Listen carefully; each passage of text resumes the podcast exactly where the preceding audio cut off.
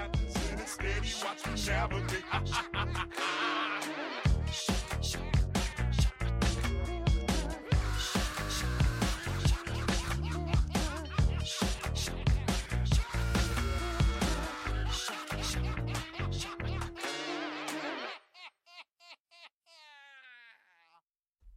Jo. Och ni avbröt mig när jag satt där och hade så här zen moment med YouTube. Ja. Vad tittades det på? Jag har hittat en, en film som är en minut och 55 minuter drygt. Eh, där en, en yng, svensk yngling bygger en timmerstuga någonstans ute i skogen. Och det modernaste verktyg han har är en traktor från 1946 som han typ släpar lite ved, lite timmer med på sin höjd. Annars så hugger han allting själv. Eh, släpar stockarna genom skogen för hand. Alltså, jag fattar inte hur grabben orkar. Men eh, ja, det är väldigt avkopplande. Ja, det låter rätt skönt. En kille som heter Erik Granqvist. Den har haft 9,6 miljoner visningar. Klart han heter Granqvist. Ja, eller hur? Och den lades upp 3 januari förra året. Så det är ganska, Det är väl tittat. ganska imponerande måste man ändå säga. Han har fått eh, 283 778 uppröster och 6 316 nedröster. Men det var väl han det var något litet reportage om, va? Jag vet ej. Ja, vadå? Ja, var då någonstans? Internet? Ja. Clubhouse. Ja. Vi, vi, vi kommer till det senare. Um, nej, i alla fall. Jag tyckte, ehm, jag tyckte det här var otroligt eh, avkopplande. Avkopplande och eh, bara, bara trevligt. Det är ljudet och bilden, både och. Jag menar, alltså, det är ingen som pratar nästan. Nej, jag har sett en timme, sett en timme, han har inte sagt ett ord än.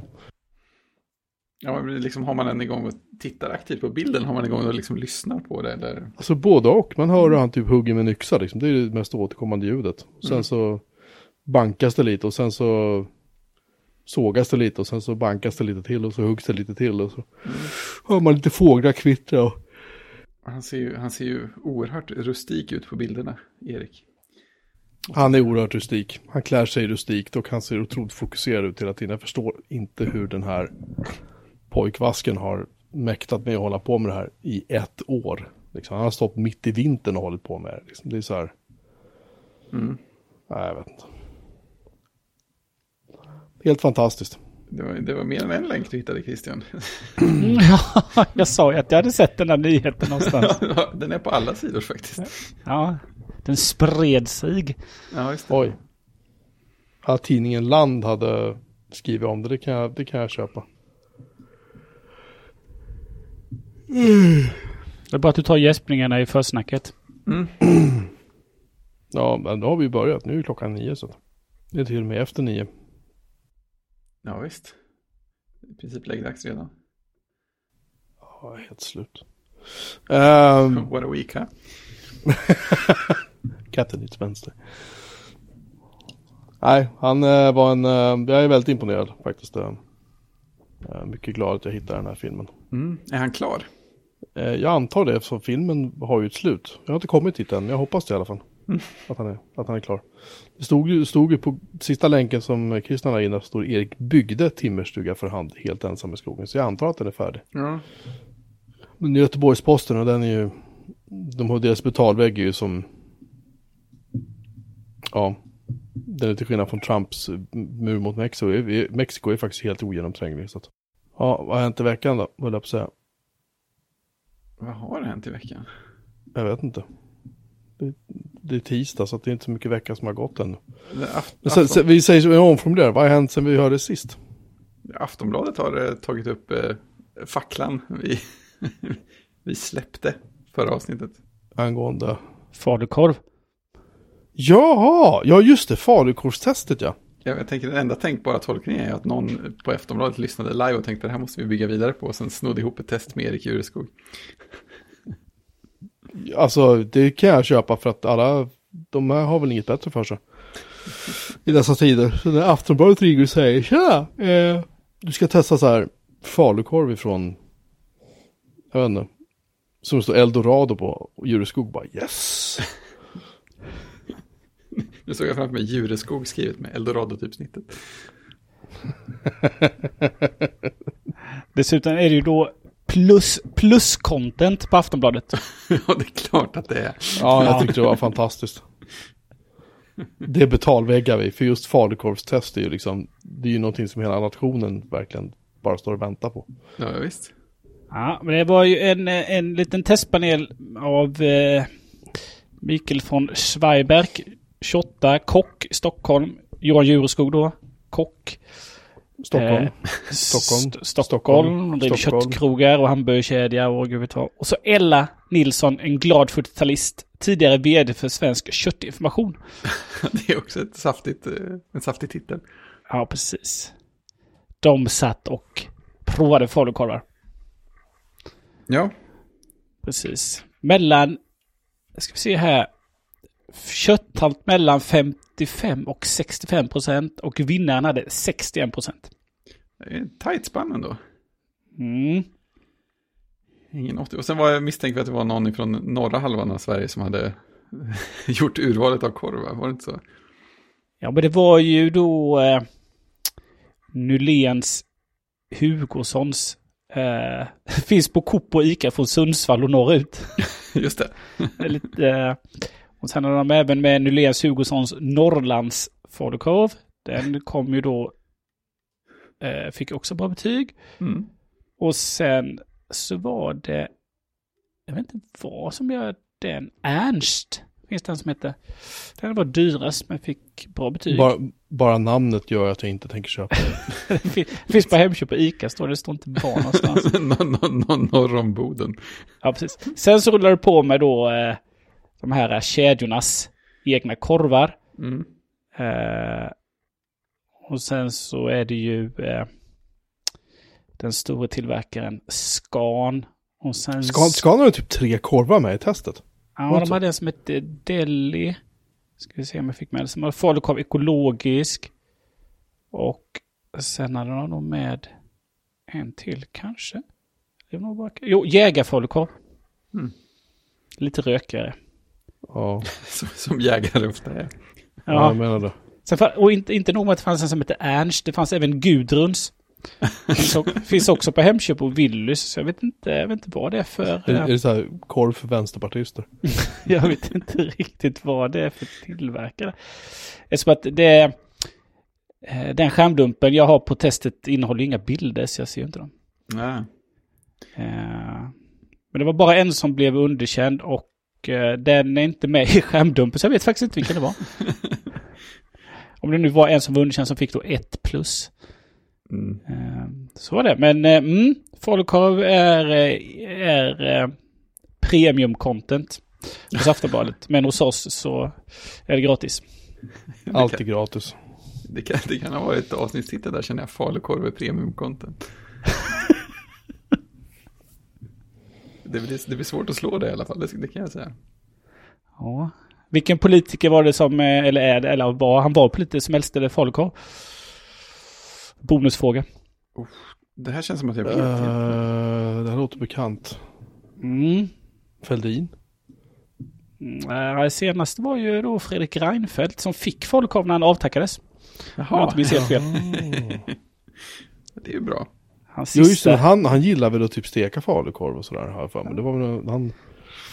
Han typ lyssnade på ABBA när han dammsög och sen gillade han falukorv. Ja, precis. Jag fick väl falukorv då efter sista partiledardebatten. När de, när de får lite presenter av de andra partiledarna. Han bara, alltså en, en klocka är okej alltså. Hallå? Här har du en falukorv. Jag, jag gillar det. Nej, jag vidhåller fortfarande att den bästa falukorven är från Andersson och Tillman. I Ska- Uppsala. Vad har du för åsikt om eh, rå falukorv? Kontra stekt? Andersson och Tillmans falukorv kan jag, jag kan stå... När vi har den hemma, vilket vi har allt som oftast när vi ska äta falukorv. Så brukar min fru vakta falukorven när hon har skurit upp den. Hon ska göra typ så här korvstroganoff eller något. Därför att jag går där och äter upp. Just som du skär den i så här typ st- strängar, alltså fyrkantiga, avlånga. Ja, som Jag nästan- stroganoff-bitar. Ja, precis. Det är liksom den Just perfekta formen. skära falukorv. Jag tycker inte om falukorv när den är skivad nämligen. Jaha, intressant. Jag tycker om när man, om det är halva skivor. Man delar skivorna på mitten, då, då blir det, jag vet inte vad det är. Det blir för mycket om man stoppar in en hel skiva. Ja, av någon anledning. Och utan någon anledning så tycker jag kan självklart jag- att jag, jag, jag kan inte skära skivan heller, sen när den är stekt. För att jag har ingen anledning, jag bara är sån. Ja. Så att om den ska skivas måste det göras först. Ja, den ska skivas innan du steker den. Ja. För den får någon sorts, det händer någonting när man steker den i halva skivor. Och sen, men det sagt, gör man ju så här stroganoff-bitar, liksom, avlånga bitar. Jag tycker det är så otroligt gott. Om korven är bra, vilket Anders och Tillmans falukorv är. Ja. Jo, alltså falukorv, det går ju aldrig åt. Oavsett om den är tillagad eller inte. Det finns ju vissa i huset som till och med blir markant mindre intresserade när, när den faktiskt har stekts. Ja, så en falukorv är ju aldrig fel på en eh, nattmacka. Så är det. Nej, nej, I, det, i, i, I detta hushållet så har jag en nioåring som älskar falukorven rå.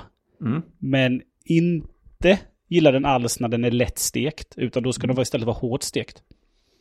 ah, Vilket då blir ett problem när man gör korv det är sant. Det, då är det fel konsistens på korven helt enkelt. Ja, någonting, någonting blir lite konstigt när den bara är lättstekt. Eh, Det där är Så intressant. att, eh, ja, det, är- det är väldigt intressant. Ja, men för alla, alla, alla faktorer som jag redan har koll på vad det gäller åttaåringen i det här huset stämmer ju in. Så frågan är om den här åttaåringen också skulle tycka att riktigt hårt stekt falukorv var jättegott. Det måste nästan undersökas någon gång. Ja. Den här nioåringen tycker ju samma sak då med bacon. Inte, hon äter inte bacon Mm. rått då, men eh, bacon ska gärna vara lite hårdare stekt. Ja, men eh, det känns som... Ja, ja, ja. Mm. det ska vara knaperstekt. Ja, fast här är det ju nästan så att hon vill ha det så att det näst, nästan smulas. Ja. Oj då, nej, riktigt så illa är det ju inte. Ja, men jag tror jag var så när jag var liten också. Jag hade väldigt svårt för bacon som då hade minsta så här mjuk fettkänsla på någonstans. Det, så det fick ju vara, ju hårdare stekt desto bättre. Åh, fy fan. Ja, eh, just det. Eh, och sen har vi också en uppföljning, korvuppföljning till, var det inte så? Att det var någon som hade hittat Rosas grill eh, på Ica Maxi i Solna.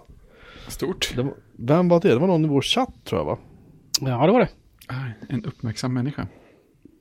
Ja, fantastisk lyssnare. Fan, vi har glömt skriva ner vem det var ju. Det här är ju... Det här är ju eh, pinsamt. Kan man inte söka det här? Jo, det kan man ju fan göra. Eh, det var The Seal, vår vän i Sundbyberg. Har du en ny fläkt i bakgrunden Jocke? Nu försvann den. Eh, nej, jag har ingen fläkt. Jag har stängt av min jobbdator för den stod och susade som attan förut. Nej, den står fortfarande och susar. Vänta, jag ska gå och fixa det. Eh, ja, det i alla fall. Seal eh, har hittat rosenskridd på Ica Maxi i Solna för de som är intresserade. Nu tar jag med hörlurarna så hör inte jag vad ni säger. Oj, oj, oj. Nu ska Ja. vi säga saker. Angående, angående fläktljud så sätter vi min dator. Jag har ju en, eh, en iMac av det gamla slaget från 2014. Ja, Eh, och så tyckte jag att har fläkten gått igång konstigt. För jag kör ju inte någon videochatt eller någonting. Det. Men så märkte jag att det var elementet som eh, lät bredvid. Då har man ändå ganska tyst dator, det är okej. Ja, det, ja, fast idag körde jag faktiskt, eh, satt och pressade lite. Jag körde Teams. idag, Ah. Och då gick den upp och fläktade på något kopiöst. Oj, Eh, eh, men eh, sen efter ett tag gick det ner utan att... Eh, alltså samma video, mm. Ström. samma video och allting var på. Så att jag vet inte vad som hände. Men jag fick en litet fnatt den där. Ja. Jag fick ju väldigt glada tillrop från eh, mina kollegor på Zoom när jag tillfälligt stängde av ljudet och de plötsligt märkte att mitt fläktljud hade hörts i bakgrunden hela tiden. Ja, då ska du veta att när jag började på mitt, mitt eh, första jobb efter lumpen, uh, det vill säga jobbade kvar sedan i 20 år, då satt, när jag kom dit fanns inget, fanns ingen plats till mig. Eh, så det är det, då, eh, då på avdelning så hade de liksom, inte kontor, utan det var ju som kontor fast det var ingen, det var ingen stängd dörr. Så de just satte ut med väggarna då. Och så i Mm. mitten var det liksom ett, ett, eh, fikabord kan man säga. Mm. Och sen var det ett litet mellanrum. Litet, liksom, och sen kom man in till liksom, nästa avdelning som Där satt en chef och så var det, var det ett öppet landskap istället. Och i det lilla mellanrummet eh, eh, stoppade de in mig då. eh, men det var bara problemet att där, där inne stod ju, där inne stod ju ett, eh, eh, ett stort skåp då med nätverk, eh, switcher och grejer. Är som Oh. att, eh, från, på andra sidan gatan var ju själva eh, själva huvudbyggnaden och så var detta liksom en annan byggnad. Så att eh, jag satt ju där inne och det bara eh, väsnades. Så att när jag, jag blev för trött på det ljudet så fick jag öppna det skåpet. Så att det lät ännu mer och sen, sen fick jag stänga det och tyckte åh vad tyst det blev. och, där satt, och där satt jag ganska länge. Jag var ju tillfälligt anställd men det, sen blev jag ju kvar då. Så att det tog ett tag innan jag fick ett, eh, ett eget rum. Vilken lättnad det ha varit att komma ur det där sen. Ja, precis. Ja, där, inne, där inne satt jag brusade rejält. Man undrar om ett par moderna brusreducerande lurar hade bitit på det där. Ja, det är spännande. Det är ju bara att ta på sig att det går in i en... Ja, Ett serverskåp. så- ett serverskåp, ja. Precis. Men det hade nog hjälpt. Nej, då fick jag öppna skåpet istället för att Ja. eh, Göra det värre. göra det värre och sen stänga och tycka att det här blev ju bra. och så satt man med en eh, Man kan, säga, stationär man kan säga att du brusade upp, Christian. Ja, precis. Och så sitter man med stationär dator som man inte kan, liksom, jaha. Ja, Annars det. kunde man ju liksom inte... tagit sin bä- bärbara och satt sig var som helst. Ja, Nej. suttit mitt på man- golvet i ett par månader hade gått bra. Ja, precis. Och jag var stationerad i, i det lilla rummet där man slängde in skit. Kände du, träff, kände du träffad på något sätt? Nej. ja, eh, trivdes, trivdes riktigt bra. Men ändå bättre när jag fick mitt egna rum då. Ja, det, det är rätt nice att ha faktiskt. När man, när man är på jobbet. Ja, det är fint. Hur, hur ni var på jobbet? Ja, Ja, minst Nej. knappt. nej, Jag var-. Vi kanske ska ta den, eh, kanske ska ta den eh, direkt. Men jag var faktiskt ner på jobbet i, eh, ska se, igår. Och plockade upp en skärm. Ah, det är en bra Eh. anledning att gå till jobbet i och för sig. Ja, det är en bra anledning att gå till jobbet. Och eh, vad var det? Två, det var två personer där. Eh, kontorschefen och eh, eh, våran eh, kontorsadmin. Som, som eh, håller koll på hela kontoret. Och allt som händer. Det och måste all, vara ett jäkla jobb just nu. ja, alla paket som kommer och allt sånt. Just det, jag kan tänka mig att det står en driva i dörren. Om ingen gör något. Så jag var där nere och faktiskt hämtade en skärm och komplettera min 27-tums eh, Mm. iMac. Så jag har faktiskt en 1080-skärm ställd på högerkant bredvid nu. Eh, Så jag kör eh, övre halvan Teams och undre halvan Slack. Så jag blir av med det konstanta. Det är inte fel. Det var eh, faktiskt, jag har ju kört så lite på, jag körde så lite på jobbet innan. När jag var där nere hade jag två skärmar då. Men Mm. då gick ju min Macbook eh, 2017 med 8 gig rom. det går ju... Just det, går ju lite- går- Ja, den går upp i... Den går upp i varv när man kör DisplayLink. Men Ja. eh, det gör ju inte det när man kopplar det rätt in i en, eh, en iMac. Så det var faktiskt väldigt trevligt. Och så blev det på höjden då eftersom att skrivbordet är lite, lite litet för att Mm. hantera två stycken i bredd. Eller som Jocke kör då, tre i bredd tror jag. Ja, just nu. Men den tredje skärmen kommer att kopplas till min Amiga snart. Så att jag, Ja. Då blir det bara två igen. Ja, men det, är, det är en trevlig upplevelse. Så kan man fokusera på eh, webbläsare och kan man fokusera på Gira på 27-tummaren och lite Excel. Fy Ja, precis. Gira på hela skärmen. Så, ha. Tyvärr behövs det ibland. det är, det är inte, inte världens mest effektiva GUI alla gånger. Nej, det beror på hur många kolumner man har. Ja, jo. projekt. Nej, så det är en trevlig upplevelse. Stående skärm bredvid iMacen.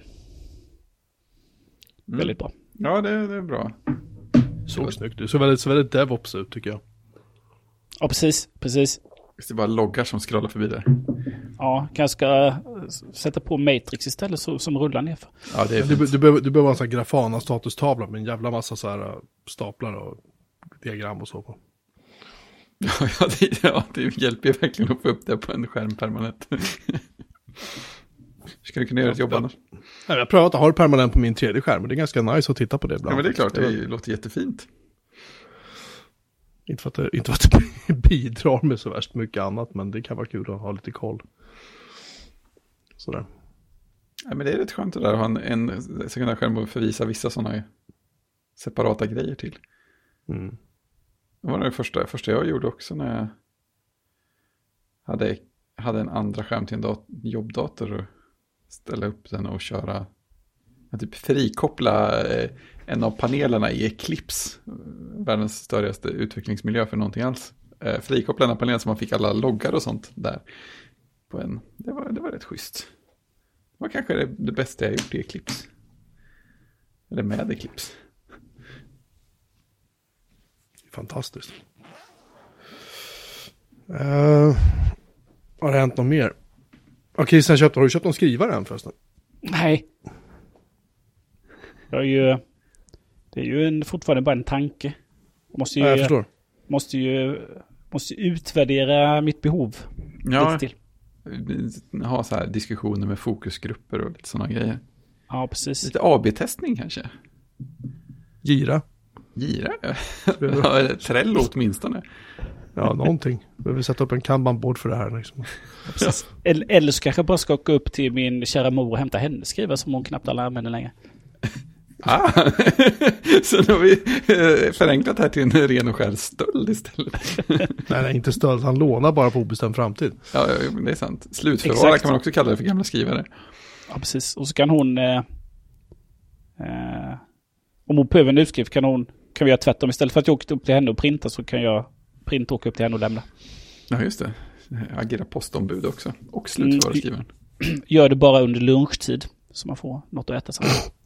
Ja, ja, just det. Jag kan bara skriva ut när jag är hungrig.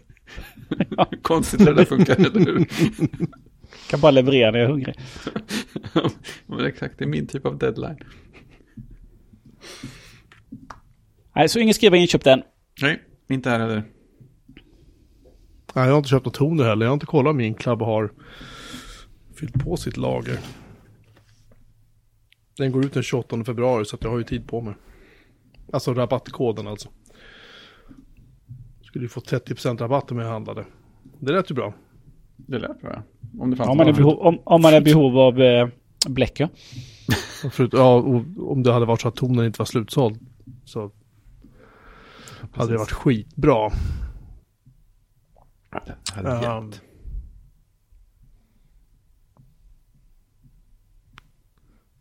Jag har tagit bild på min skrivares, vad den heter.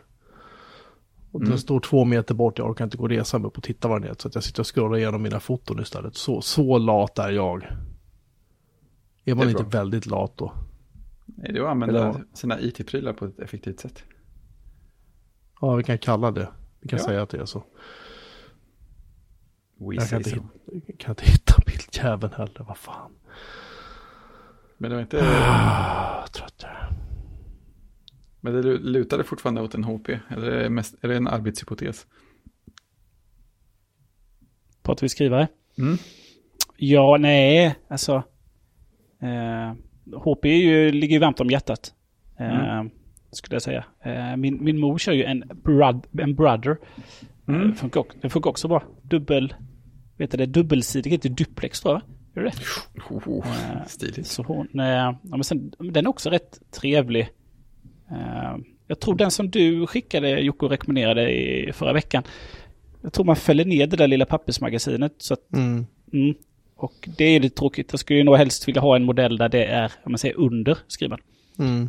Så man liksom inte ser det eller behöver, behöver liksom behöver plocka loss papperna och stänga det. Eller så, liksom, så ofta skriver man ju inte ut så att ligger de nere där så hinner det bli dammigt. Ja, just det. Det är opraktiskt. Ja, det är väldigt opraktiskt. Eh, eh, men, eh, men vi får se. Det kanske inte ens blir någon skrivare. Nej, Man vet aldrig. men, det blir att det blir en jäkel på att rita av saker istället. ja, mina, eh, mina barn gillar ju, eller gillar ju och ibland måla sådana. Som det gör de mycket på fritids. Ska man skriva ut lite målarbilder så färglägger de ju. Mm. Eh, Men den lilla eh, som är sju, hon, eh, hon kör ju YouTube nu och där finns det ju, eh, jag vet inte om jag sagt det innan, instruktionsvideo. Mm. Det är det ju en far och dotter som man brukar titta på. Där han instruerar hur man ska måla och så liksom gör ju hon efter då. Och så sitter, och så sitter um, sjuåringen och gör efter också då. Så hon sitter ju och eh, eh, målar på frihand. Det är häftigt. Ja, det är häftigt. Bra så grej. att, eh, eh, det är rätt roligt. Så det, det, går åt ganska mycket papper. Ja, det kan jag i och för sig tänka mig. men hon fick, hon har målat rätt mycket med tusch. Men nu fick hon lite eh, andra schyssta pennor faktiskt i julklapp. Så hon, Mm. nej, hon, hon är duktig. Och sen så brukar hon måla och ibland så lägger hon på lite extra. Som hon gör själv då.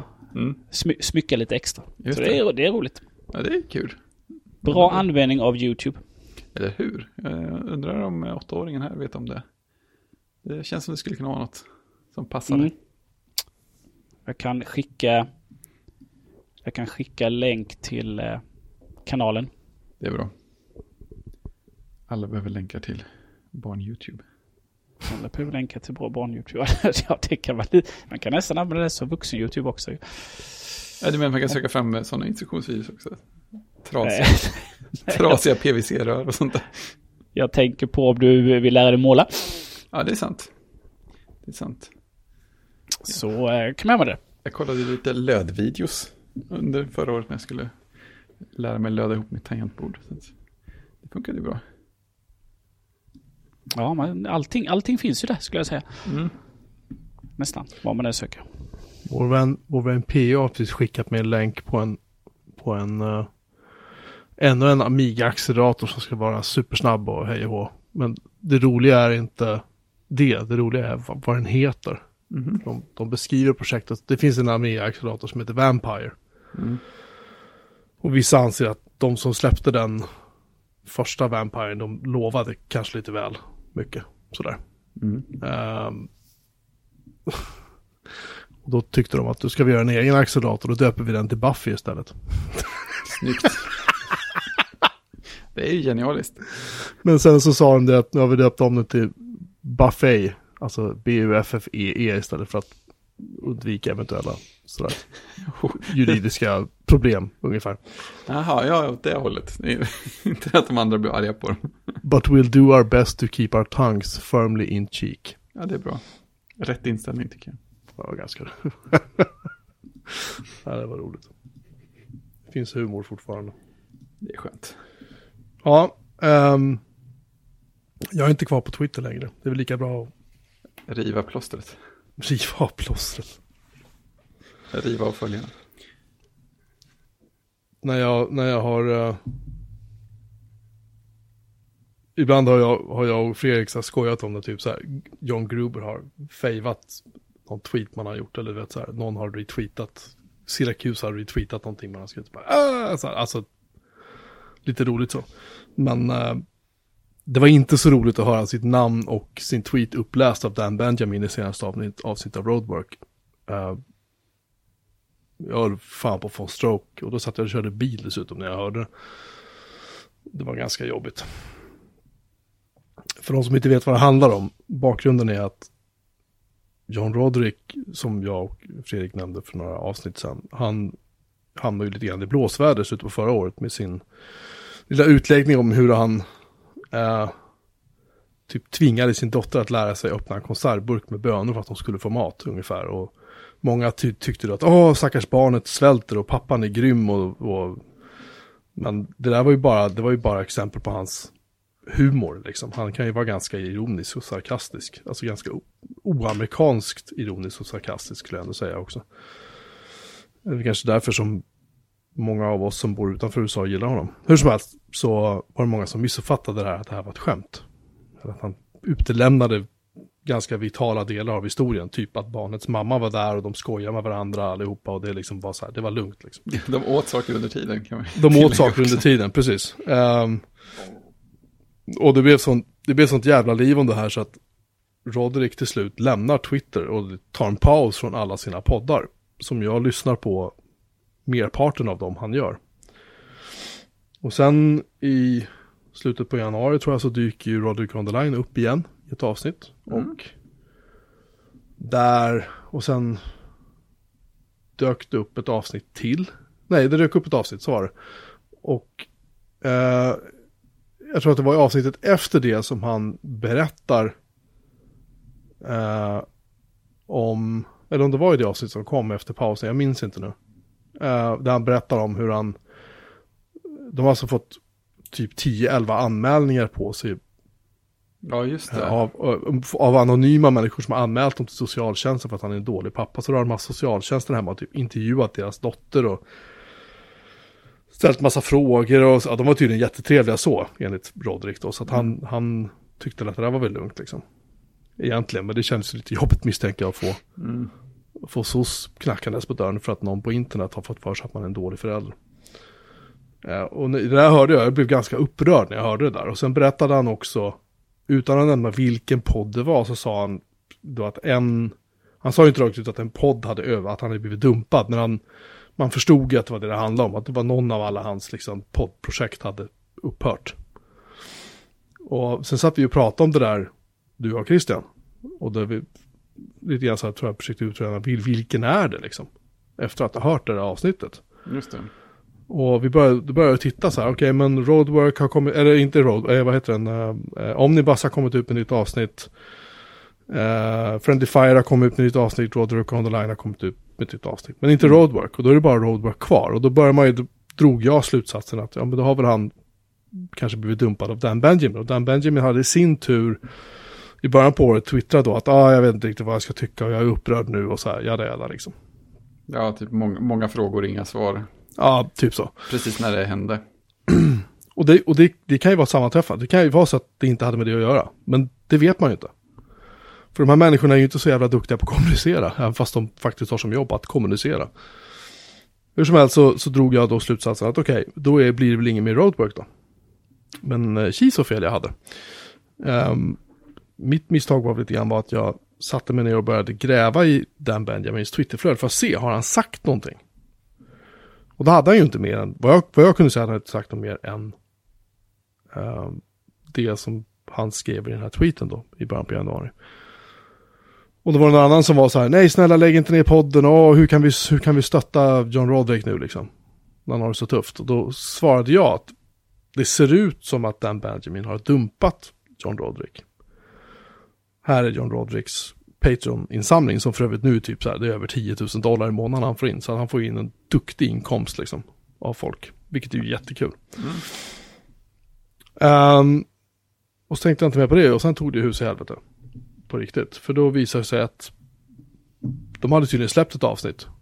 Fast det var bara till de som stöttar Roadwork via Patreon. Men jag gör ju inte det, så det hade inte jag någon aning om. Och det har inte gått ut någon information om det heller till oss dödliga då som inte stöttar Patreon-insamlingen. Um, och sen så, och så att jag var så här, okej tack för info och sen så um, skulle Benjamin vara lite så här, han var lite, så här, lite smådryg så här. Så här, jag förstår inte varför han inte har kontaktat mig eller John och frågat liksom. Det är så här, John Rodrick finns inte på Twitter längre. Och han lär ju knappast svara på mail. Han har precis beskrivit i en annan podd hur han har fått hundratals mail liksom. Han lär nog inte svara på ett till. Uh, om man ens har svarat på några liksom. Och, ehm, och kontakta den Benjamin, ja det kanske man kunde ha gjort. Hade han svarat, vet ej. Jag har prövat att kontakta andra, typ eh, Mark Arment och de där, de svarar ju aldrig. Liksom. Så jag drog en felaktig slutsats. Och den Benjamin var så här, ja, och han kunde ha kontaktat oss. Men, men det är så här, det är väl okej, så här, han är ju ett fan liksom. Lite sådär, klappa huvudet. Då. Och jag svarade bara att nej det är inte alls okej, jag gjorde ett misstag och det var dumt av mig så jag ber verkligen om ursäkt liksom. Så, jag var verkligen tydlig med att så. Och så tänkte jag inte mer på det. Och sen eh, i går, nej vad fan var det, söndags var det väl. Ja, något sånt. Ja, så upptäckte jag att det hade kommit, och du hade skrivit att, ja ah, men nya avsnitt av Roadwork, det, det, det var bra, typ så här intressant eller någonting. Jag tänkte, ja Mm. ah, kul, nu är de tillbaka liksom. Och jag tänkte inte mer på det. Och i det här avsnittet då så börjar de liksom så här prata om, liksom typ så här, Benjamin börjar prata om typ så här, ah, men folk så här, jag kan inte berätta historier som du gör John Roderick, för att jag, jag är ju inte så personlig, folk vet ju liksom ingenting om mig. Typ så, han lät lite frustrerad över att folk liksom inte kände honom på något vis. För att han pratar ju aldrig om sig själv i princip. Så. Eh, han uttrycker väldigt sällan åsikter om någonting. Det låter han ju sina gäster göra. Liksom. Han fyller ju bara på med något så här stödord lite här. Han gjorde ju för övrigt samma sak när han spelade in eh, talkshow med, med Gruber. De här är väldigt mycket så programledartypen på något sätt. Ja men som en moderator nästan. Han är ju som så ja här, just det, just det. delar ut ordet och sen så flyter det bara på. Mm. Låter han de andra babbla liksom. Ehm, och så helt plötsligt så bara så här, ja, ja, som häromdagen. Så, så fick jag ett tweet från Joakim Mer, och så uttalar mitt namn fel då förstås, liksom, där han läser upp då mitt tweet. Men han kompletterar liksom inte med att, att jag har sagt, okej, sorry, jag ber om ursäkt, så. Det säger han liksom inte. Det kanske var så att det kom efter att de hade spelat in det, jag vet inte. Kanske. Ehm, och ja, min inbox på Twitter, den hade liksom, jag hade börjat få så här meddelanden från folk för att de var arga på mig. Tyckte att, att jag var dum, att jag liksom hade varit elak mot Dan Benjamin. Så här, dumma, dumma dig. Du är tokig, du är knäpp, du är dum i huvudet. Så här, brinn. Alltså det var, det var lite så här varierande grad av, av eh, okvädesord. Och jag försökte svara på alla. Jag fattar liksom inte vad fan kommer det här ifrån. Okej, Okej, de har väl sett min, min tweet då, liksom, som jag skrev. Och tänkte att det här dör väl ut snart. Liksom. Men det dog liksom aldrig ut. Det var inte så att det var så här hundratals, men det kom någon då och då. Sådär.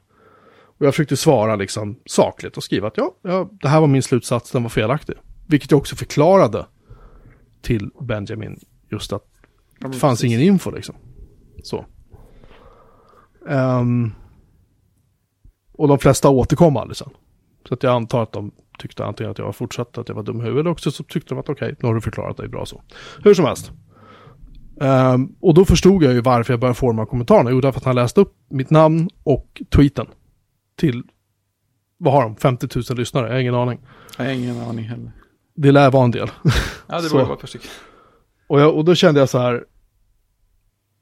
Varför är jag kvar på Twitter för? Jag har liksom börjat fundera på det igen. Alltså jag gjorde ju, tror jag 2018 gjorde jag en så här utrensning av folk jag följer. För att jag märkte att det var många jag följde som jag bara kände att jag blev negativ av. Alltså, inte, det var nog inte deras avsikt. Men det var så här, det var mycket negativitet. Det var mycket så här häcklande och skitkastande. Och det är ganska lätt att halka med det. Jag märker att jag, jag har nog lite lätt för att halka med det där. Jag kan tycka att det är lite roligt så liksom. Men det är väl jävligt en lätt att- mänsklig grej på något sätt också, tycker jag. Kanske, ja, men jag, jag vill gärna tro att jag är liksom lite större än så. Men det är jag nog inte. Men hur som helst Så, så, är vi- så är vi väl allihopa, tänker jag.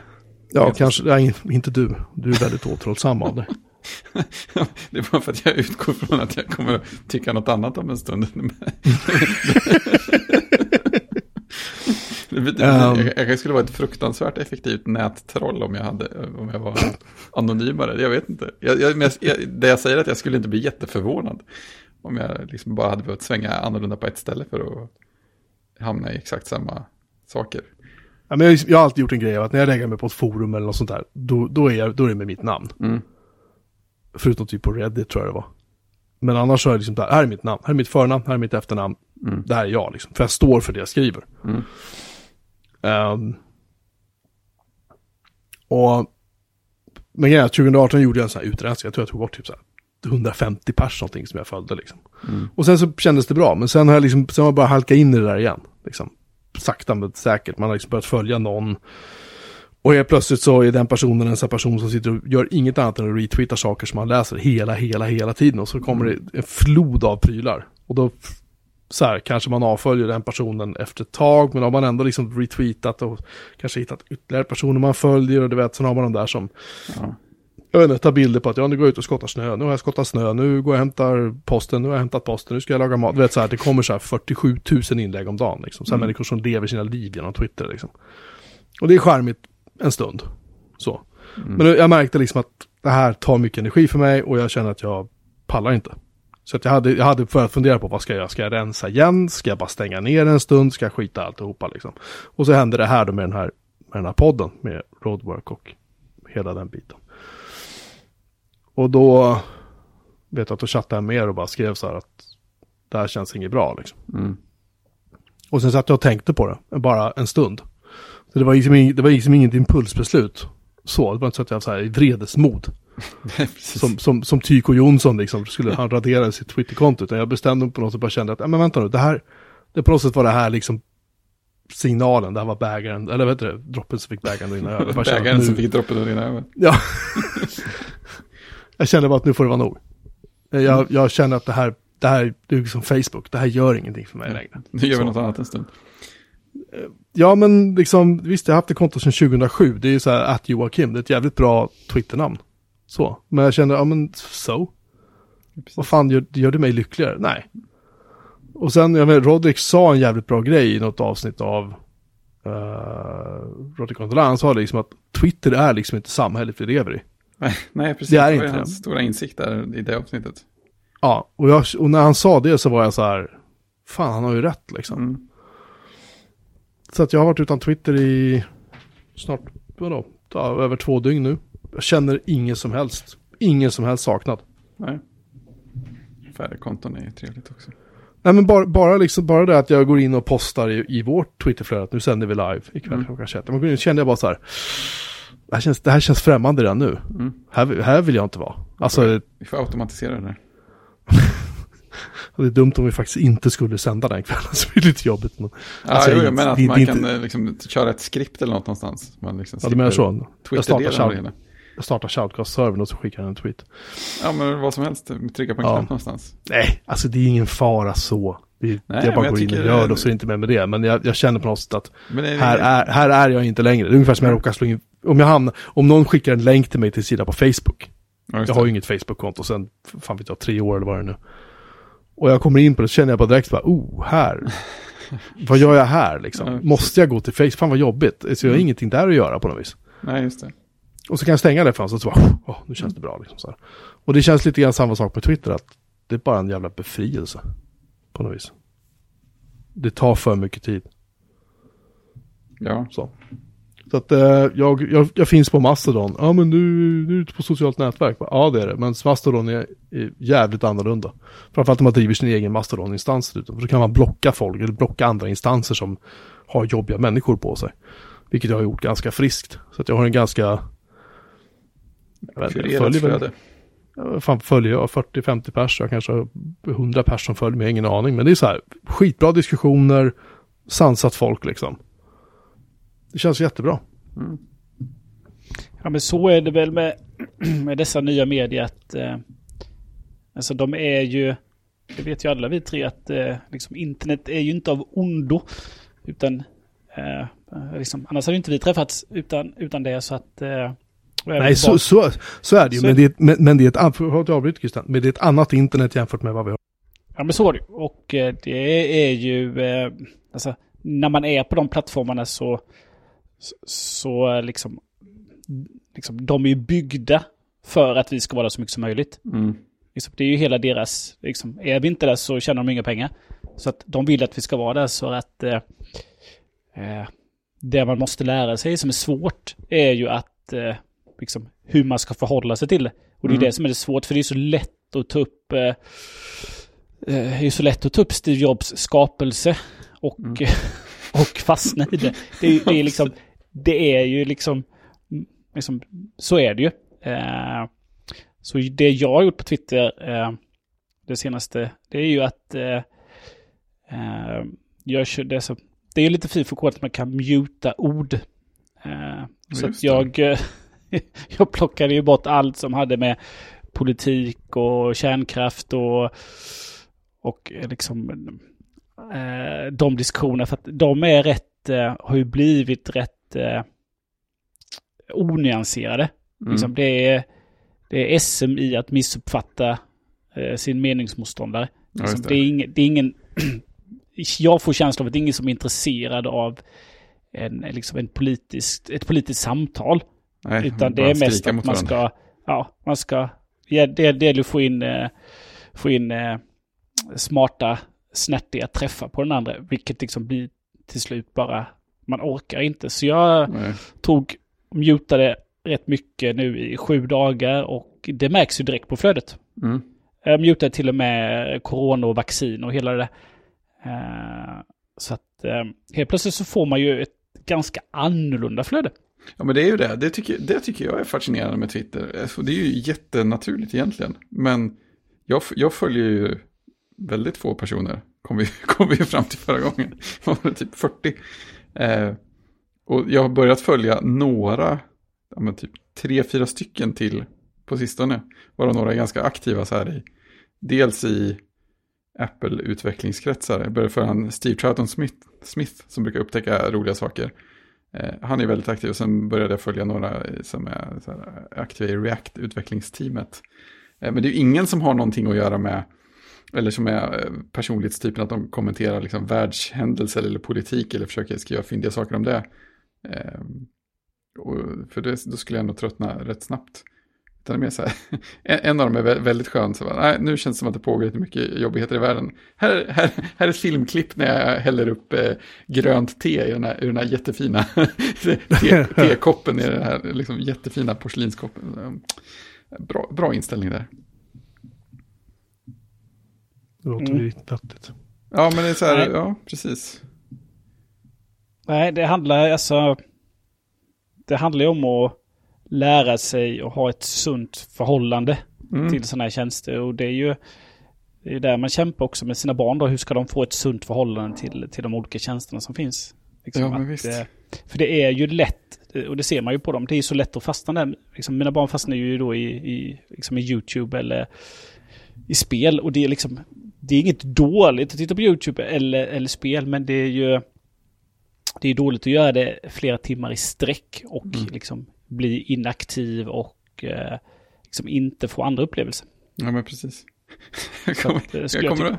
ja, jag kommer att tänka på vad min kompis Martin sa när, när vi chattade på ICQ efter att vi hade fått ADSL hemma för första gången. Att ja, nu, nu gäller nu är utmaningen för dig att lära dig att ha internet på i bakgrunden. Det är, det är typ samma grej. Så här. Det finns här hela tiden. Jag, jag kan göra något hela tiden på internet. Det är precis samma problem fortfarande. Hur, hur lär jag mig ha på det här i bakgrunden utan att bara låta det ligga där? Det är jättesvårt fortfarande. Ja, men så är det ju. Så är det ju. Det finns ju alltid tillgängligt. Mm. Det finns alltid något som kräver mindre engagemang. och liksom låta rinna genom hjärnan. Precis. Jag pratade med min fru om det häromdagen också när jag hade raderat mitt Twitterkonto. Hon, hon märkte att det var någonting med mig. För jag var så här, jag var, jag var fortfarande ganska upprörd över att liksom ha hört, blivit upp, alltså lite uthängd på det där sättet. Jag tyckte Mm. det, det var lite så här, vad amerikanerna kallar för ett dick move om jag ska vara ärlig. Han hade inte behövt läsa upp mitt namn. Liksom. Han Mm. hade inte behövt göra det, men skitsamma. Uh, och hon märkte på mig att det var någonting, så jag berättade vad det var. Och jag sa att, jag vet inte, det känns som att man liksom måste nästan skärma sig från sociala medier, nyheter, allting snart. För att det, Mm. man, ork, man orkar liksom inte längre. Eh, man orkar liksom inte hänga med. Nej, men just det att man får egentligen inte ut så mycket av det. Heller. Nej. Det kommer ganska snabbt till en punkt där det suger energi istället för att ta energi. Och man känner att, ja men jag måste, nej nu måste jag skriva, vara aktiv här igen för liksom, för att, för jag vet inte, försvara det sista jag sa som någon feltolkade eller vad det nu handlar om.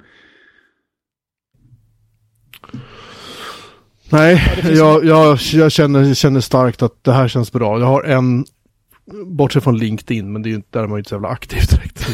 men, men den räknas nog inte så mycket. Men, men uh, bortsett från det så är det Mastodon som är kvar. Allting annat är borta. Och sen har jag väl lite på ERC och så har jag väl vårt forum för den här podden då. Liksom. Mm. Men bortsett från det så har jag ingenting kvar. Det känns fantastiskt. Jag kan inte beskriva på något bättre sätt. Det känns otroligt skönt. Så att eh, det rekommenderas. Helt klart. Eh, på tal om sociala medier, kan du förklara vad fan Clubhouse är för någonting? Ja, det kan jag göra. Kör, Du, du, du är vår expert. Vår man på insidan eller? Vår man på insidan. Har, har du, är någon av er som har ett Clubhouse-konto överhuvudtaget? Nej, jag har inte. Det är ju... eh, Clubhouse är invite only. Och eh, hade detta varit för eh, tio år sedan så hade jag ju... Eh, hade jag säkert varit där och Mm. testat. Eh, men eh, nej, men Clubhouse är ju... Eh, det är ju, eh, det är ju bara röst. Så att... Eh, på samma sätt som du eh, har vänner så du, är, som jag står har du även vänner där. Och sen kan du skapa då en, ett, eh, jag vet inte vad man ska kalla det, ett rum eller en sändning eller hur man nu ska benämna den. Antingen så är den, är den då eh, helt öppen för alla. Eller så är den eh, öppen för dem som du har kontakt med. Eller så skapar du ett helt privat rum då. Eh, så om du skapar då en sändning eh, så kan du då i den bestämma vilka det är som får prata. Och då resten kan bara lyssna då. Och det finns ingen Nej. text, eller? Ingen text. Det är ju eh, bara Det är bara prat då. Så att eh, jag har inte varit med, men jag har sett lite, det har kommit lite på, på Twitter och då har det ju varit lite... Eh, lite sådana här läkare och, och så. Jag följer lite, jag följer lite olika läkare och eh, lite, lite forskare och så. Eh, Då, och då hade de eh, liksom pratat lite om, jag vet inte om det var om vaccin eller corona då. Så liksom, Mm. som, som öppet då, där folk har liksom eh, kommit in. Så att, ja, det blir väl som en, jag tänker att det blir som en liten paneldebatt med, eh, med lyssnare då. Ja, men precis, för det är det jag har hört också.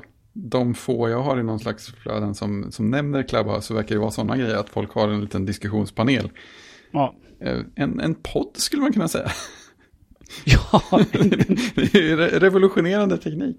ja, en Men, live... spe, men spelas det här in på något sätt eller försvinner det bara sen när det är Nej, jag tänker, väl att, jag tänker väl att det bara finns där och då. Jag vet faktiskt inte. Men Nej, eh, eh, och sen så tänker jag att det visar sig om ett tag att de lagrar allting och typ kör någon slags analys på det ett tag. Men vad var det de sa? De behövde ha tillgång till ens adressbok för att släppa in Ja. något sånt här skumt. Ja, om du, ska, om du ska bjuda in någon annan då. Mm. För du får väl antagligen ett visst antal invite då. Då, Två, då tror jag. behöver den till, ja, då behöver den tillgång till en adressbok. Så då, då blir den ju uppladdad på tjänsten tror jag. Det låter oerhört... Eh, Och så ser du då, eh, om jag skulle ladda upp då så skulle ni två dyka upp där så ser jag ju då att eh, ja men här finns, eh, Fredrik finns ju här redan och han har så många följare och sådär då. Så, eh, så de, du laddar ju upp dina kontakter till Clubhouse då. Till skillnad från exempelvis eh, Swish-appen som du har i telefonen. Den det. kräver ju också tillgång till din adressbok om du vill liksom snabbt bädda fram ett nummer utan att skriva in Mm. det då. Men den är ju on device. ja, visst. Den finns ju bara där, till skillnad då från Clubhouse som liksom laddas upp. Kommer jag ihåg. Eh, så jag, jag vet inte vad som, jag har inte varit med så jag kan inte riktigt uttala mig om hur det är. Eh, men eh, det är väl inte, jag vet inte, jag vet inte när det kom, men Det känns som att det var rätt nyss, va? ja, jag vet inte. Eller, eller så är det nu i corona som det har slagit igenom då. Jag läser även en krönika på sajten breakit.se som jag tycker faktiskt är ganska bra. Han skriver det att eh, han har förstått, enligt honom då så är, är Clubhouse ett pyramidspel. Åh, så pass. De som har varit tidigast in och därmed högst upp i pyramiden har förstås svaga incitament att larma om detta och alla anledningar att upprätthålla systemet. Men för alla oss halvhjärtade deltagare i den stora majoriteten, vi som ständigt befinner oss ett steg bakom, finns goda skäl att vara uppmärksamma på varningssignalerna. Eh, Det finns, sitter förstås långt inne för de flesta av oss som att medge att vi har lurats in i något som vanligtvis bara dra- drabbar andra grupper, inte oss eller våra vänner. Det typiska offret för vanliga pyramidspel är aldrig annars välbeställda hög, högutbildade tjänstemän i kosmopolitiska städer. Höga tankar om sig själva. Ja, lite så. Men de har alltså, han gissar att de har 10 000 användare bara i Sverige. Men vad är pyramidaspekten liksom? Han säger det, i det här pyramidspelet finns inga pengar att tjäna, det är istället triumfen att ha fler personer bakom sig än framför sig som är själva valutan. Jaha, du menar Genom att de att- var med i ett socialt nätverk tidigt? Ja, genom att det syns på varje persons profil vem som har värvat den med en invite till tjänsten appellerar Clubhouse till människans allra mest grundläggande drivkraft. Just det, här är personen Alla- som sålde mina personuppgifter till er. Ja, alla levande varelsers själva källkod att sprida sitt eget DNA så vitt och brett som möjligt. Sen drar han, sen drar han paralleller till Genghis khan och, och där orkar inte jag läsa längre. Men, det känns men som jag, han drog iväg lite grann. ja, lite grann. Han är ju krönikör så att. Ja, Just det, vad ska man göra? Men, uh, nej, men det är lite så här. Uh, man ser folk som är så här, innan jag hoppade av Twitter och man såg någon på LinkedIn och så var det så här liksom, ah, någon som har en invite till Clubhouse? Så jag är så här, men Mm. ja, vad jag, nu har jag inte jag det, men jag tänkte, vad, vad fan är poängen? Mm. Har vi inte haft sådana här grejer? Google hade väl, vad hette det, Google Wave var det väl också folk var helt galna över att få en invite till. Ja, Och det. sen var ju det värsta floppen. Och sen, alltså massa sådana här, det känns som att det har varit återkommande sådana här, folk jagar invites eller någonting och sen bara dör det liksom. Ja, men så är det ju alltid oftast med nya... Det startas nya tjänster så, så kör de ju på, på, på invites. Och det beror väl antagligen på två saker. Dels att skapa en hype. Eh, som då, om man tittar på Clubhouse, lyckas då eftersom att folk är ute och tigger efter, efter invites då på alla, på alla olika möjliga sätt. Och sen även då antagligen för att de inte har, eh, de inte har serverkapacitet för att liksom ha, ha öppen registrering. Utan de måste liksom sakta skala upp det. Eh, Men så är det ju även mm, liksom, vissa mailtjänster eller program som har släppts då som det skapas en hype, hype kring. Ja, Eh, att liksom, ja men du får stå i kö. Och sen Ja. så kanske du får ladda ner det. Och det är ju, det är ju såklart för att skapa en, skapa en hype kring, kring sin tjänst. Och Det att det, känns- ska bli en snackis.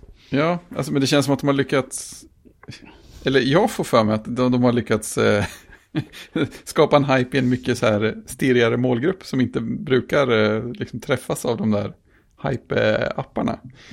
Så här, nu, nu är det nödigt mediafolk i Sverige som är liksom jätteentusiastiska. Då, då blir det liksom ett helt annat eko i ekokammaren. Ja, men det kan också, det, liksom, ja, det kan nog bero på att nu är ju, det är som att vi sitter hemma och inte, Ja, just vi, är det. inte, vi är inte ute på samma sätt eh, och gör andra saker. Utan man, liksom, man blir ju mer eh, hemma med familj och då blir man automatiskt mer med skärm. Mm. Ja, Och då det. kan jag tänka mig att, okej, här är något nytt, vad roligt, det är sp- Mm. Och framförallt då om man märker kanske i, sitt, i sina övriga flöden då, kanske framförallt Twitter, då, att oj vad mycket som händer på Clubhouse. När folk det. pratar om det, men jag är inte där. Ja, just det. Vill och här verkar det vara san, och- mer sansad diskussion också. Så att, eh, mm. Jag, Men sen jag så har, förlåt, fortsätt Christian. Förlåt. Ja, jag tittar, sen finns det tror jag också en liten sån där att det finns en, en flik där som är liksom en, som en kalenderflik eller någonting att, eh, eh, liksom vilka sändningar finns. Mm. Antagligen öppna sändningar då som man kan hoppa in på. Eh, så att, eh, men jag vet inte, eftersom att jag inte har det så vet jag inte vad det är för typ av, eh, typ av organisation eller folk som liksom har sina, har sina sändningar då. Men det är spännande, det är ju det, det är spännande, det är istället för ett textmedia så är det liksom ett, ett ljudmedia som är helt direkt och sänds live då. Ja, det är som en podd där du... En gated podd liksom. Ja, eller jag kan tänka mig då att man, eh, att man kan starta den där eh, appen och eh, liksom, ja, här är det ju pågående Ja, det. öppna diskussioner eller ämnen som pratas. Så glider man in och så, ja men det här var inget för mig, så glider man ut och så liksom, kan Men man lyssna in och se om man hittar något intressant. ja, men, men om man inte blir liksom inbjuden i en panel så kan man aldrig liksom prata själv va? Nej, så tror jag det är, utan det är väl den som startar Mm. själva panelen som bestämmer vilka som får prata. Eh, så att, eh, men jag tror det även finns någon typ sån som finns i, i, eh, i Zoom och Teams, en liten handuppräckning. Jag vet inte om det är tillgängligt för alla då att, ja men hallå, jag har en fråga eller någonting då så man kan liksom även köra så då. Ja, okej. Att eh, om man då skulle ha en... Om man då skulle, säger du att det är en klassisk paneldebatt och sen så öppnar man upp för frågor från... Mm. Så att det finns någon som kan moderera vilka som är mutade och inte mutade och Ja, det. helt enkelt modererar det här så att det inte blir kaos. Mm. Eh, Mm, det ska bli spännande att se vad det tar vägen. Jag har en uppföljning på Simon Strand i breaket. Han, han är titulerad, eh, ni kommer inte att tro det här, han är titulerad eh, fristående Clubhouse-kolumnist i breaket. Jag känner, jag känner att den titeln kommer att bli gammal ganska snabbt. Han har, han har, han har följt upp sin uh, krönika. Han, han skapade ett rum där som han döpte till hur många mellanchefer kan jag distribuera med detta rum? Men det kom, det kom inga mellanchefer. Och sen så-. Och sen hade tydligen Hanif Bali, moderatpolitiken, kommit in och då hade folk blivit arga och så. Men det var också bra för folk hade mötts över gränserna och ja, jag orkar inte läsa mer. Clubhouse kom i mars 2020. Jaha, det var ju länge sedan. Mm, ett år sedan Det kan man säga. kom första betan. Och det är väl nu den har nått eh, lite Sverige då kanske. Ja, det verkar ju så. Eh, Ja, det blir intressant att se om just den twisten på radio har någon Ja, precis. varaktighet eller man har tröttnat. ja, när vi var unga, vad hette, vad var det man ringde in till då? Heta linjen. Heta linje. Detta är, eh, detta är eh, eh, den moderna Heta linjen.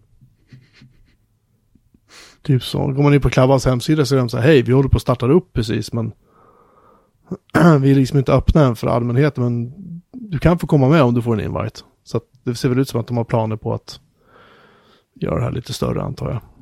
Men det är ingen annonsering i, i appen eller någonting sånt då? Det kommer nog. Jag menar, fan tjänar de pengar på De det? säljer väl din info till Google. Ja, det ska vara det då. Mm. Jag läser en liten eh, artikel i eh, Aftonbladet här. Eh, den första februari 2021 nu så hade Clubhouse två miljoner användare. Eh, och det står att det riktig fart tog det efter att Elon Musk hade öppnat ett samtal, samtalsrum som andra kunde gå in i. Aha. Ja, Ja. Men så är det väl alltid att eh, en, en, något sånt här, de lever väl på Ja, lite, lite riskkapital och allt är gratis och sen så måste de hitta en affärsmodell. ja, precis. Så bara, ja, vi testar att lägga annonser på det helt oväntat. Här har vi Elon Musks rum, då tar vi in annonser för Volvo. ja, det var inte Jo, jo, men, jo men tänk dig själv, om du, om du går in i ett rum och så kan det visa sig en annons där som du som har skapat rummet inte har någon kontroll över. Mm. Oops. Eller att det läses upp röstannonser lite då och då. Mitt i samtalet. Just det, Eller-. Det, det måste ju vara reklam. Det kan eller att, alltså jag tror sälja uppgifterna tror jag inte de skulle våga. Men däremot reklamavbrott definitivt. Mm. Reklam baserat på ord. De kanske gör röstanalys på det som sägs. Vad vet jag? Mm. Det finns säkert massa spännande sätt att tjäna pengar på det där. Jag vet inte, jag känner att det här är en, är en enorm bubbla och det kommer att smälla rätt fort. Jag tror att det här kommer vara borta sex månader så kommer vi inte prata om det här längre. Ja, men lite så. Vi, följ, vi följer upp vid midsommar. Ja, Ja men, ja men faktiskt kan vi göra det för att det känns som att när alla sådana här jättekända, viktiga personer i Sverige och utlandet och andra, det är så här, de ska dyka upp där, det är så här, wow, liksom. Mm. Ungefär, ungefär de som hade guldmodellen av första Apple Watch. Alla var så här, oh, guldmodell Apple Watch, och den levde hur länge då? liksom, crickets. ja men lite. Det, det var ett ögonblick bara. Jag känner att det här är ett ögonblick, det, nej, det kommer vara borta snart. Vi får se om det, blir, om det, om det överlever längre än Apples eh, ping. Ja, just det. Åh gud, ja, vilken flopp. det, det, tycker jag, det borde vara en sån här mätenhet, SI-enheten för att mäta En- livslängd en- på sociala En nätverk. ping. En ping. One ping only. Det hade varit bra. Fan, nu har vi två stycken dokument för vårt avsnitt över det här nu.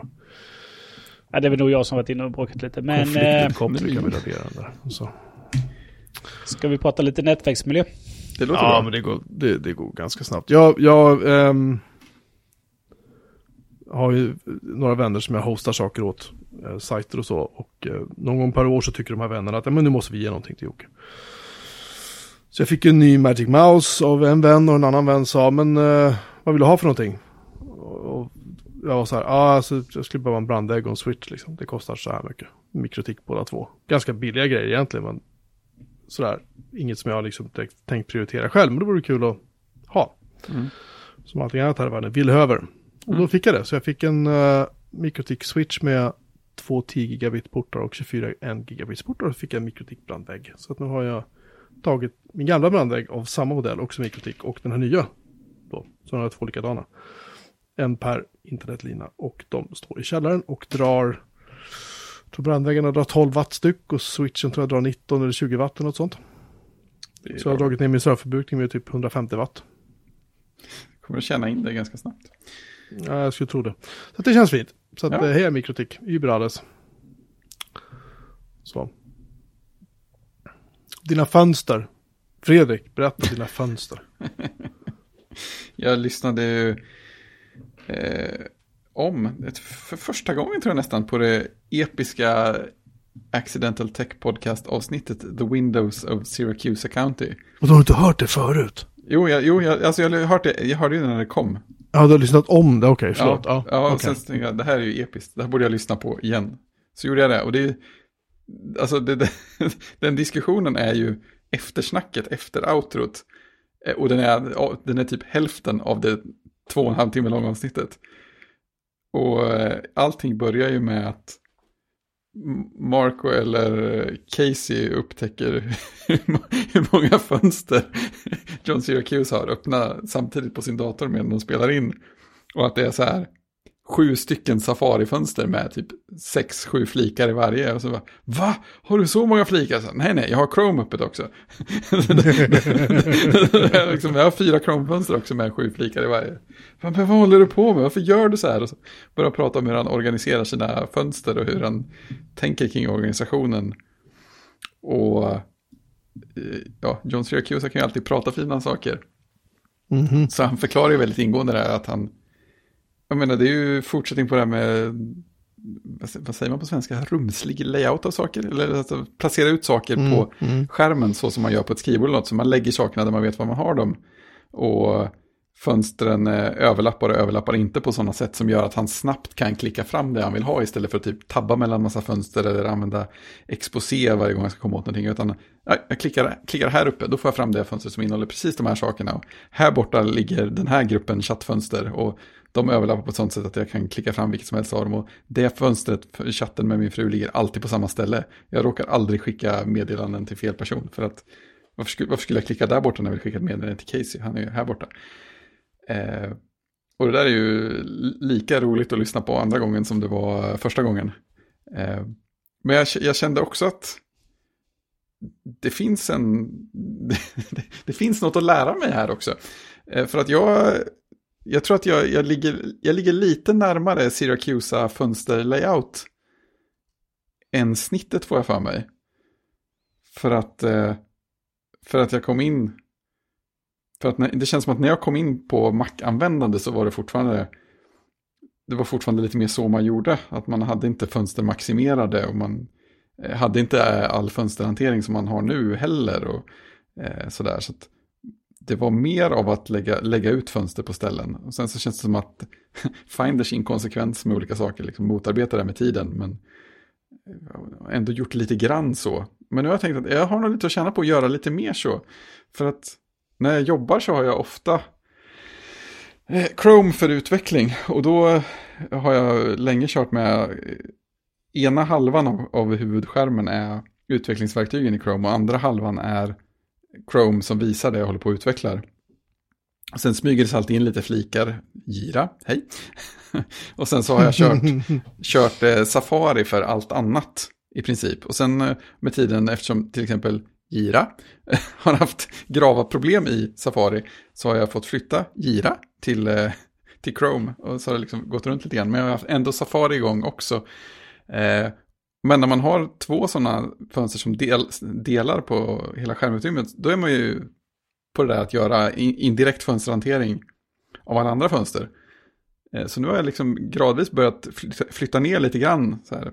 Den här tar inte exakt halva skärmen, den tar halva skärmen minus lite upp och ner och kanske lite på kanten. Och sen så sticker terminalfönstren fram där bakom. Och det, det finns en nytta i det alltså.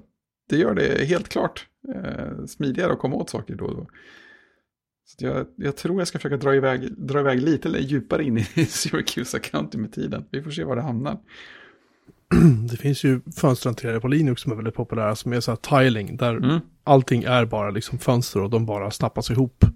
Ja, precis. Så hela, det är ju terminalfönster och applikationsfönster och vad det nu kan vara. Allt det där snappas ihop och snyggt. Så det ser ju asläckert ut. Så. Mm. Men, och, och de som använder det svär ju vid att det här är bra stuff liksom.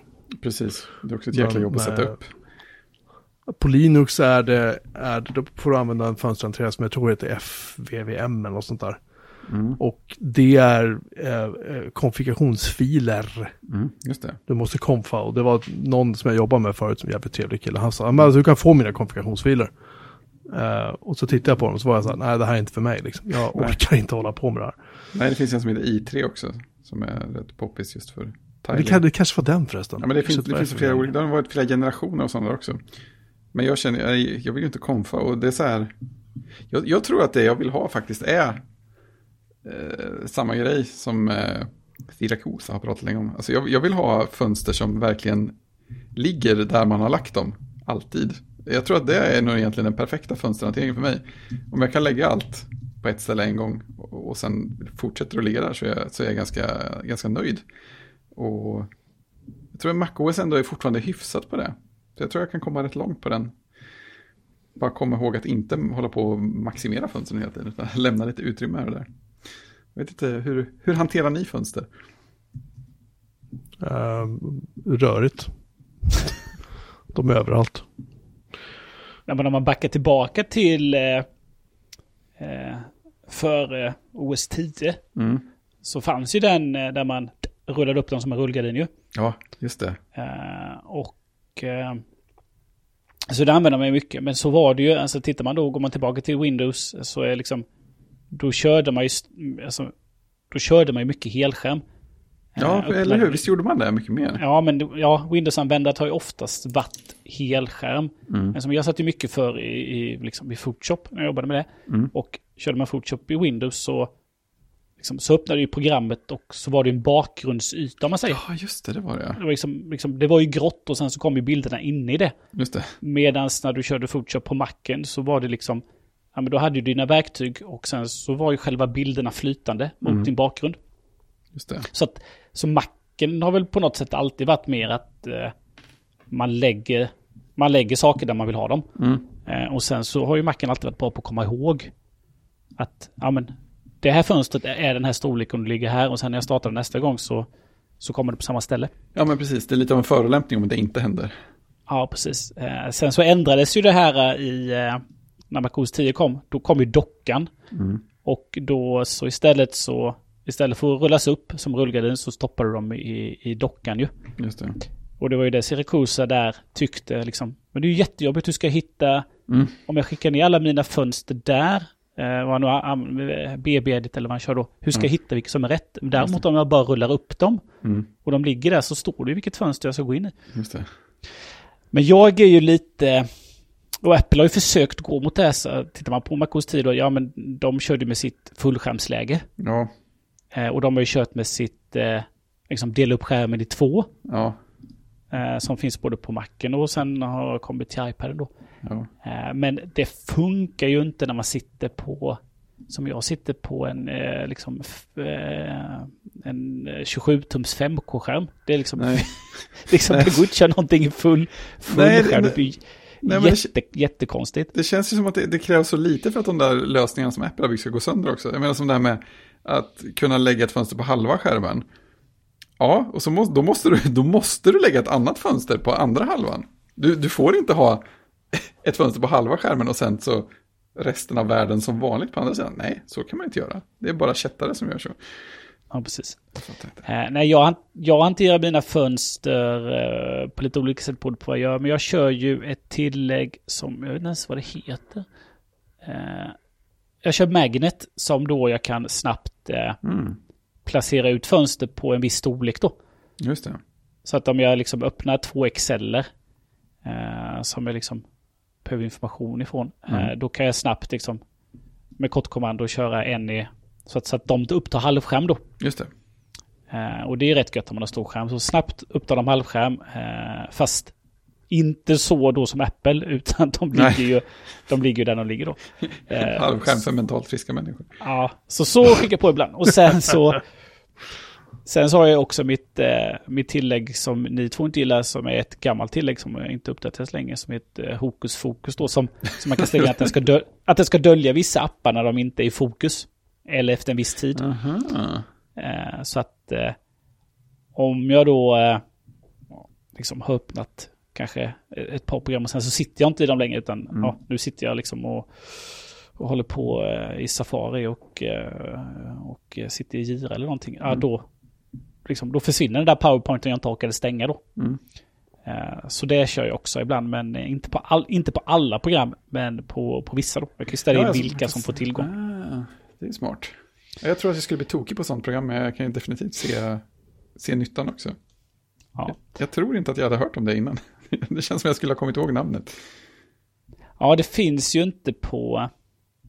Det finns inte på App Store, utan det finns på en egen sajt. Mm. Fokusfok.us. Också bra.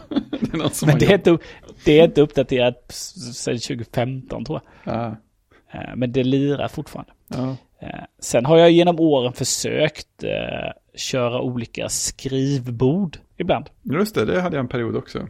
Ja, så att liksom, ja men jag kör alla chattfönster då. Eh, typ att man har eh, lite meddelanden och sånt där eller eh, vad heter det? Facebook Messenger och sådär. Ja men de sätter jag på ett annat fönster för det är ju liksom Eh, det är inte det jag vill se hela tiden. Eh, men eh, det har jag gått ifrån. Så att jag, jag har ju faktiskt oftast min vanliga iMessage framme hela tiden. Längst ner i ett hörn då.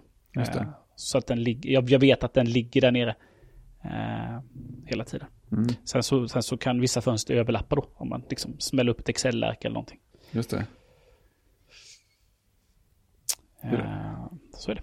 Hur hanterar du fönster Jocke? Eh, Jag skaffar fler skärmar. Just det, jag måste öppna ett nytt fönster. Vänta lite. Nej, men alltså sit- sitter jag typ så här intensivt felsöker någonting eller bygger någonting som kräver en terminal, då kan jag ha 20 terminalfönster öppna. För Mm. att till slut så hittar jag inte vilket fönster jag gjorde saker och ting förut, eftersom jag visste att jag redan var inloggad på den server. Så då startar jag ett till och så loggar jag in igen och så fortsätter jag. Vilket blir lätt ganska oöverskådligt, men det, det är så jag jobbar och det, det funkar konstigt nog. Det är lite grann som Syracusas alla flikar och så i, Mm. i, i sina webbläsare. Men för mig är det, är det terminalfönster Mm. som det blir många av. Men det är, så här, är det i grund och botten då? I grund och botten ett terminalfönster per, per syfte om man säger. Nej, jag kan, nej, jag kan inlogga med tre sessioner samtidigt på samma server. En där jag kollar loggar, en annan där jag startar om en tjänst och ser och så tittar jag vad som händer i loggan. Och det tredje fönstret har jag där av någon annan anledning. Typ så här. Ja, just det. Men jag menar, men jag menar det. Det är, liksom, det är liksom ett nytt fönster för, per sån grej. Ehm, ja, det är det. Ja, Jag, jag, liksom- jag, kör, jag har kört flik, jag kör ju iTime 2, den tycker Mm. jag är nice. Men jag har kört Mm. flikar ibland liksom. Men ibland, ibland glömmer jag bort vad jag har de där jävla flikarna och så tänker jag, nej. det blir liksom inte av att man... Nej, precis. För jag har en fast eh, flikuppsättning kan man väl i princip säga på jobbdatorn i iTerm. Där jag har de flikar som jag har för vardagsutvecklandet.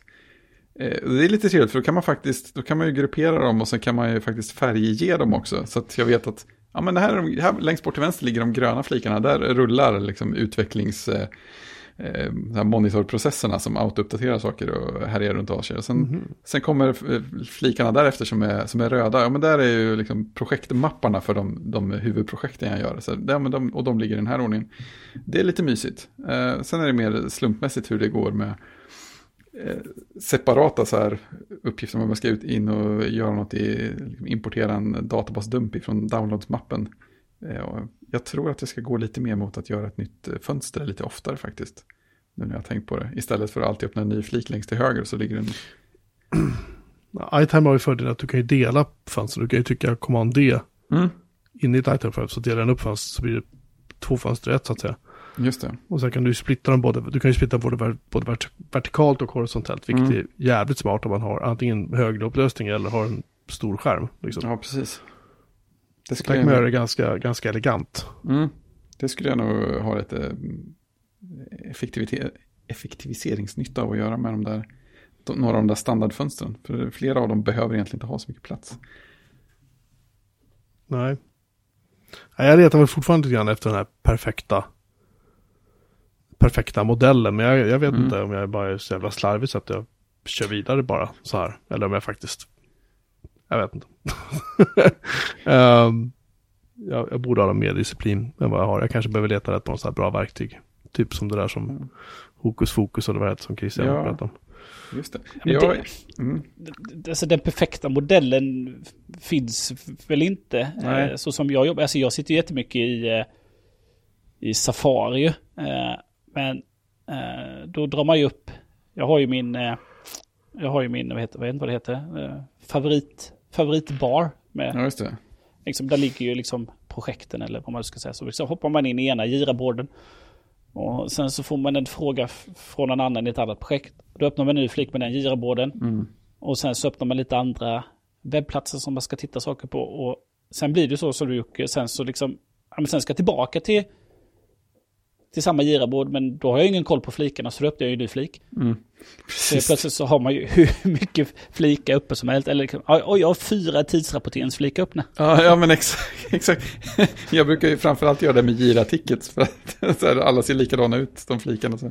Ja, ja, just det, här är också, här är också den här gira-brädan och här är den ticketen tre gånger. Och sen så kan jag stänga några av de här. Det är kanske där man skulle, jag kanske ska försöka hålla det så att de där i, Typ Gira får ett eget Safari-fönster så kan alla flikarna, liksom där, eh, Chrome-fönster blir det då dessutom. Åh. Så kan de flikarna här samsas där och så kan man försöka göra nya fönster för de andra sakerna. Eller någonting. Jag tror att Syracuse-väggen kan vara för mig. Jag har för övrigt ett fönsterhanteringsprogram som heter Moom. Som jag använder ganska lite nu för tiden. Men använde mycket förut. Framförallt för den där att snabbt kunna tangentbordskommando. Precis som du sa Christian till halvskärm och sånt. Väldigt trevligt. Man, man kan göra massa inställningar också. Man kan också göra... Dels kan man göra tangentbordsgenvägar för att slänga, slänga iväg fönstren på olika sätt. Och sen kan man också göra eh, så här förinställningar så att man håller muspekaren över gröna knappen på vilket fönster som helst. Så får man eh, eh så här pop-up-fönster eh, med de föreställningar man vill ha. Så att jag har förinställda knappar för expandera till hela skärmen, lägga vänster, lägga höger, lägga på övre halvan och nedre halvan. Eh, och det använde jag ganska mycket ett tag. Men nu har jag, jag vet inte, jag har fallit ur det. Jag, var, jag använde tangentbordsgenvägarna rätt mycket också ett tag. Men det var, det var nog när jag hade min stora halvskärmsperiod för, för appar. Det kanske var i kombination med att jag försökte använda spaces mer också. Så att det fanns, så att det fanns mer ytor att lägga på utan att överlappa allting och gömma undan Mm. allting. Jag har aldrig använt Spaces. Ja, det är också en grej som jag tänkte att jag skulle försöka. Det här är bra. Det här Mm. verkar bra. Men det, det passar liksom aldrig. Det, det faller sig liksom inte naturligt på något sätt för mig att göra det. Jag menar, när jag körde BOS så hade ju BOS är fortfarande hade ju en av de smartaste lösningarna när det gällde hur man hanterar många fönster. Och det, istället för att du kunde göra liksom tabbar i fönstret så kunde du ta ett fönster, eller själva den här lilla gula jag minns att Geos hade som titelraden de här små knapparna för att Ja. minimera maximera. Det var ju som en liten gul tabb uppe på själva fönstret. Den var jättefin. Ja, och den där tabben kunde du dra till en annan tabb. Då slog du ihop de här två fönstren fast de blev då som tabbar. Sen kunde du ta liksom fönster till fönster till fönster. Så hade du i princip ett fönster och så bytte du bara tabb och så fick du upp mailapplikation, webbläsare och så vidare. Och så vidare liksom. Vilket var grymt smart. För att det blev liksom inte 47 fönster om du inte absolut ville det liksom. Du kunde gruppera ihop allting efter vad man gjorde också typ. Ja, Det är coolt. och jävligt smart. Ja, alltså när... Vilka MacOS-versioner var det som hade den där Spaces-grejen? Man kunde hålla på och lägga ut Spaces liksom visuellt. Du kunde typ dra ut en ruta med hur många du ville ha. Oj, jag minns inte. Nej, för då, då, det var nog då jag försökte använda Spaces mest. Och jag tror faktiskt hade, hade lite användning för Christian är väl vår Spaces-expert tycker jag. Ja, Spaces expert. Grattis! Produktivitetsguru, Christian Ås. Berätta. Om, Spaces, vil- vilken version var det där man kunde se någon sorts visuell liksom, representation av sina Spaces? Vad som var där eller något, någonting sånt. ja, men du vet. Jag tänker att det kan ha varit i Snow Leopard-trakter typ. När kom Spaces? Var det Leopard? Ja, det är en bra fråga. Det kanske till och med kom lite senare. Det kom i Leopard. Det kom i Leopard. Ja, men då kanske det var Snow Tror Leopard som, Tror jag. som de var lite kraftfullare. Eh, så tror jag nog det var. Ja, då fick man upp... Eh, var det då man fick upp eh, liksom, stora bilder på dem? Istället för att de Mm. låg... Nu ligger de ju längst upp va? Som- Ja, som- precis.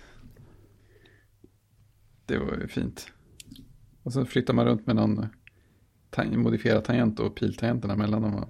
Och så fick man ett så här overlay med vilken ruta man befann sig i rent geografiskt. XY-led. Och så, jag vet inte om den finns kvar. För förr fanns det ju en... Eh, eh, vad heter den? Mission Control Exposé eller någonting där man kunde få... Där de samlade alla program och alla dess fönster då. Den finns kvar fortfarande. Ja, ett program och dess alla fönster. Det är väl den som man får när man... Nej, vad säger jag? Det är väl man, när man drar ner på en trackpad va? Ja, jag är ju inställd så att om jag drar uppåt så slänger det ut alla fönster som jag har. Ja, så att jag kan se alla. Just det. Och, och eh, jag ska se vad, vad det heter idag. Då heter det Mission Control ja. Mm. Men jag tror i gamla Mission Control, så istället för att visa alla fönster så visade den att eh, då la den samman, här ligger alla Safari-fönster, här ligger Ja, ja, alla- det. alla Mm. Word-fönster, här ligger liksom så. Just det. Just det, så typ svävade ikonen för appen ovanpå va? Ja, på något sätt. Ja, just det. Ja, men det känns bekant ja. Det fanns. Ja. Så, så den använder jag ju ofta eh, om, man inte, om jag inte har det hokus fokus påslaget då som döljer saker då. Mm. Det är ju egentligen krigla H som den gör då. Men då skickar man ju bara upp och så ser jag alla mina fönster. Eller så tar jag ner eh, och då ser jag ju eh, bara fönstren för det programmet jag använder. Just det. Vilket oftast blir kanske när jag sitter med eh, massa fakturering i Excel. har man väldigt många, då har jag väldigt många Excel-filer så behöver jag hoppa in i någon och då är det smidigt att bara dra ner och så få upp dem. Mm. Väldigt trevligt. Däremot använder jag aldrig, däremot använder jag ju aldrig den här uh, helskärms app-launchen. Nej, Uh, vad, vad, vad den nu heter. launchbar eller? Nej, launch... Nej, heter den launch, launch control? Launch center? Eh, Ska jag behöva gå in i app-mappen för att titta på det här? Launchpad heter den. Launchpad heter det. Precis. Nära. Den, den, använder jag, den använder jag aldrig. Nej, Eh, Den kan man ju ändå eh, konfa då så att egentligen så att eh, man skulle kunna hitta. Men jag, där kör jag ju tangentbord. Där kör jag ju eh, launch på då. ja just det, just det. det gör jag. Ja. Så jag startar ju app oftast så. Eh, oftast. Men det är alltid det är väl alltid problem med fönsterhantering är ju liksom, det blir ju mycket fönster under en dag. Mm. Eh, och såklart, man är ju dålig på att eh, eh, kanske stänga. Och framförallt om man, framförallt ibland så öppnar man ju, eh, alltså om, om, om jag skulle vara duktig ibland när jag ska ta lite snabba anteckningar, så borde jag ju då eh, upp liksom, eh, gå in på SharePointen eller i Teams eller någonting och liksom, ja men här finns en OneNote som är kopplad till, eh, till projektet eller kunden och så skriver man ner sina anteckningar där och så vet man att ja, de autosparas och så finns de kvar. Mm. Även om du vet på Men oftast så liksom startar man ju textredigerad nytt, Ja, fil. Och så skriver man lite och sen så eh, sen efter en dag så har man liksom tre, fyra sådana fönster och sen så liksom okej jag måste sortera de här. Men de är liksom namnlöst 1, 2, 3, 4. Precis. Och sen så byggs det på under veckan. Så Ja. liksom, Okej, här, här, ligger ju, här ligger ju den här kunden. Jag fortsätter anteckna. Och sen så får man ju ta det där jobbet då. Ja. Oftast då när, eh, när datorn tycker att nu ska vi installera, installera någonting. Du måste välja vad du ska göra med alla dina fönster. Just det, fönsterstädningsdagen. Ja, precis. Jag hade, hade för detta kollega som var... Eh, när jag jobbade med honom så var han en kundansvarig och säljare. Mm. Eh, så att han, var precis, precis samma när det liksom... Hur mycket textfönster som helst öppna. Mm. Eh, liksom, skulle gå igenom hela tiden. Okej, här är ju det här mötet. Okej, det ska överföras hit. Istället då för att det bara... Nej men... Jag öppnar där vi alltid sparar allting då. Mm. Ja, just det, en det faktiskt ska vara. Ja, precis. Ja, en kund, där kör vi faktiskt. Vi har ett möte varje vecka. Och där har vi en sida i Confluence. Mm. Där vi bara fyller på. Ja, just det. Eh, liksom, eh, med besluten och är det något som är kopplat till en, en gira då så kan vi bara länka. Mm. Det är ju väldigt smutt att bara ta de snabba anteckningarna direkt så. Mm. Och så finns det och så liksom sparar man och så uppdateras sidan bara så liksom sista anteckningen längst ner hela tiden. Så kan man bara följa med vad vi har Just gjort i de olika mötena. Eh, men efter så är det så lätt att ja, men man drar upp ett textfönster. Mm. Det är liksom, så har jag alltid gjort i alla tider. Jag tar textfönster. Ja, men jag gör ju också det spontant väldigt ofta. Jag har ju, en av mina få så här, automatiseringar som jag har gjort via skriftbarhet i MacOS är att jag har en tangentbordsgenväg som eh, öppnar eh, markdown-filen i min Dropbox som har dagens datum.md som namn. Och om den inte finns så skapas den. Så att eh, där kan jag alltid fylla på. sen kommer sen kommer jag fortfarande kvar steget att jag måste sortera det någon annanstans om det ska ta vägen någonstans. Men det är i alla fall en start. Mm.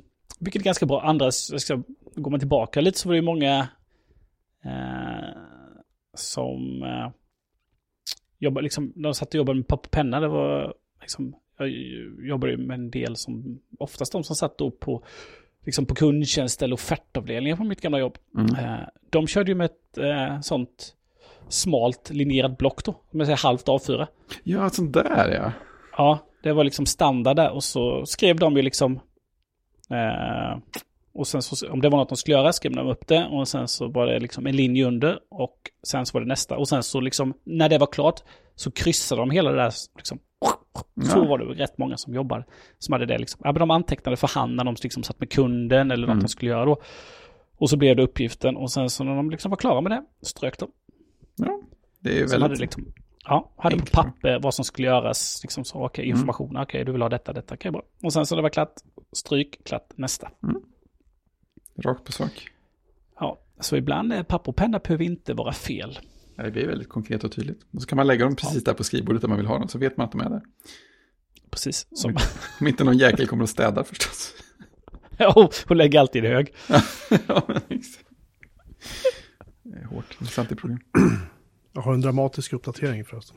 Oh, Vår vän Erik som bygger sitt timmerhus, han eh, har faktiskt enligt en artikel i tidningen Land då, från 20, 29 januari i år, så har han byggt klart innertaket och eh, takstolar och sånt. Så han ska bygga yttertak och isolera tak nu härnäst. Så att han är inte färdig ännu.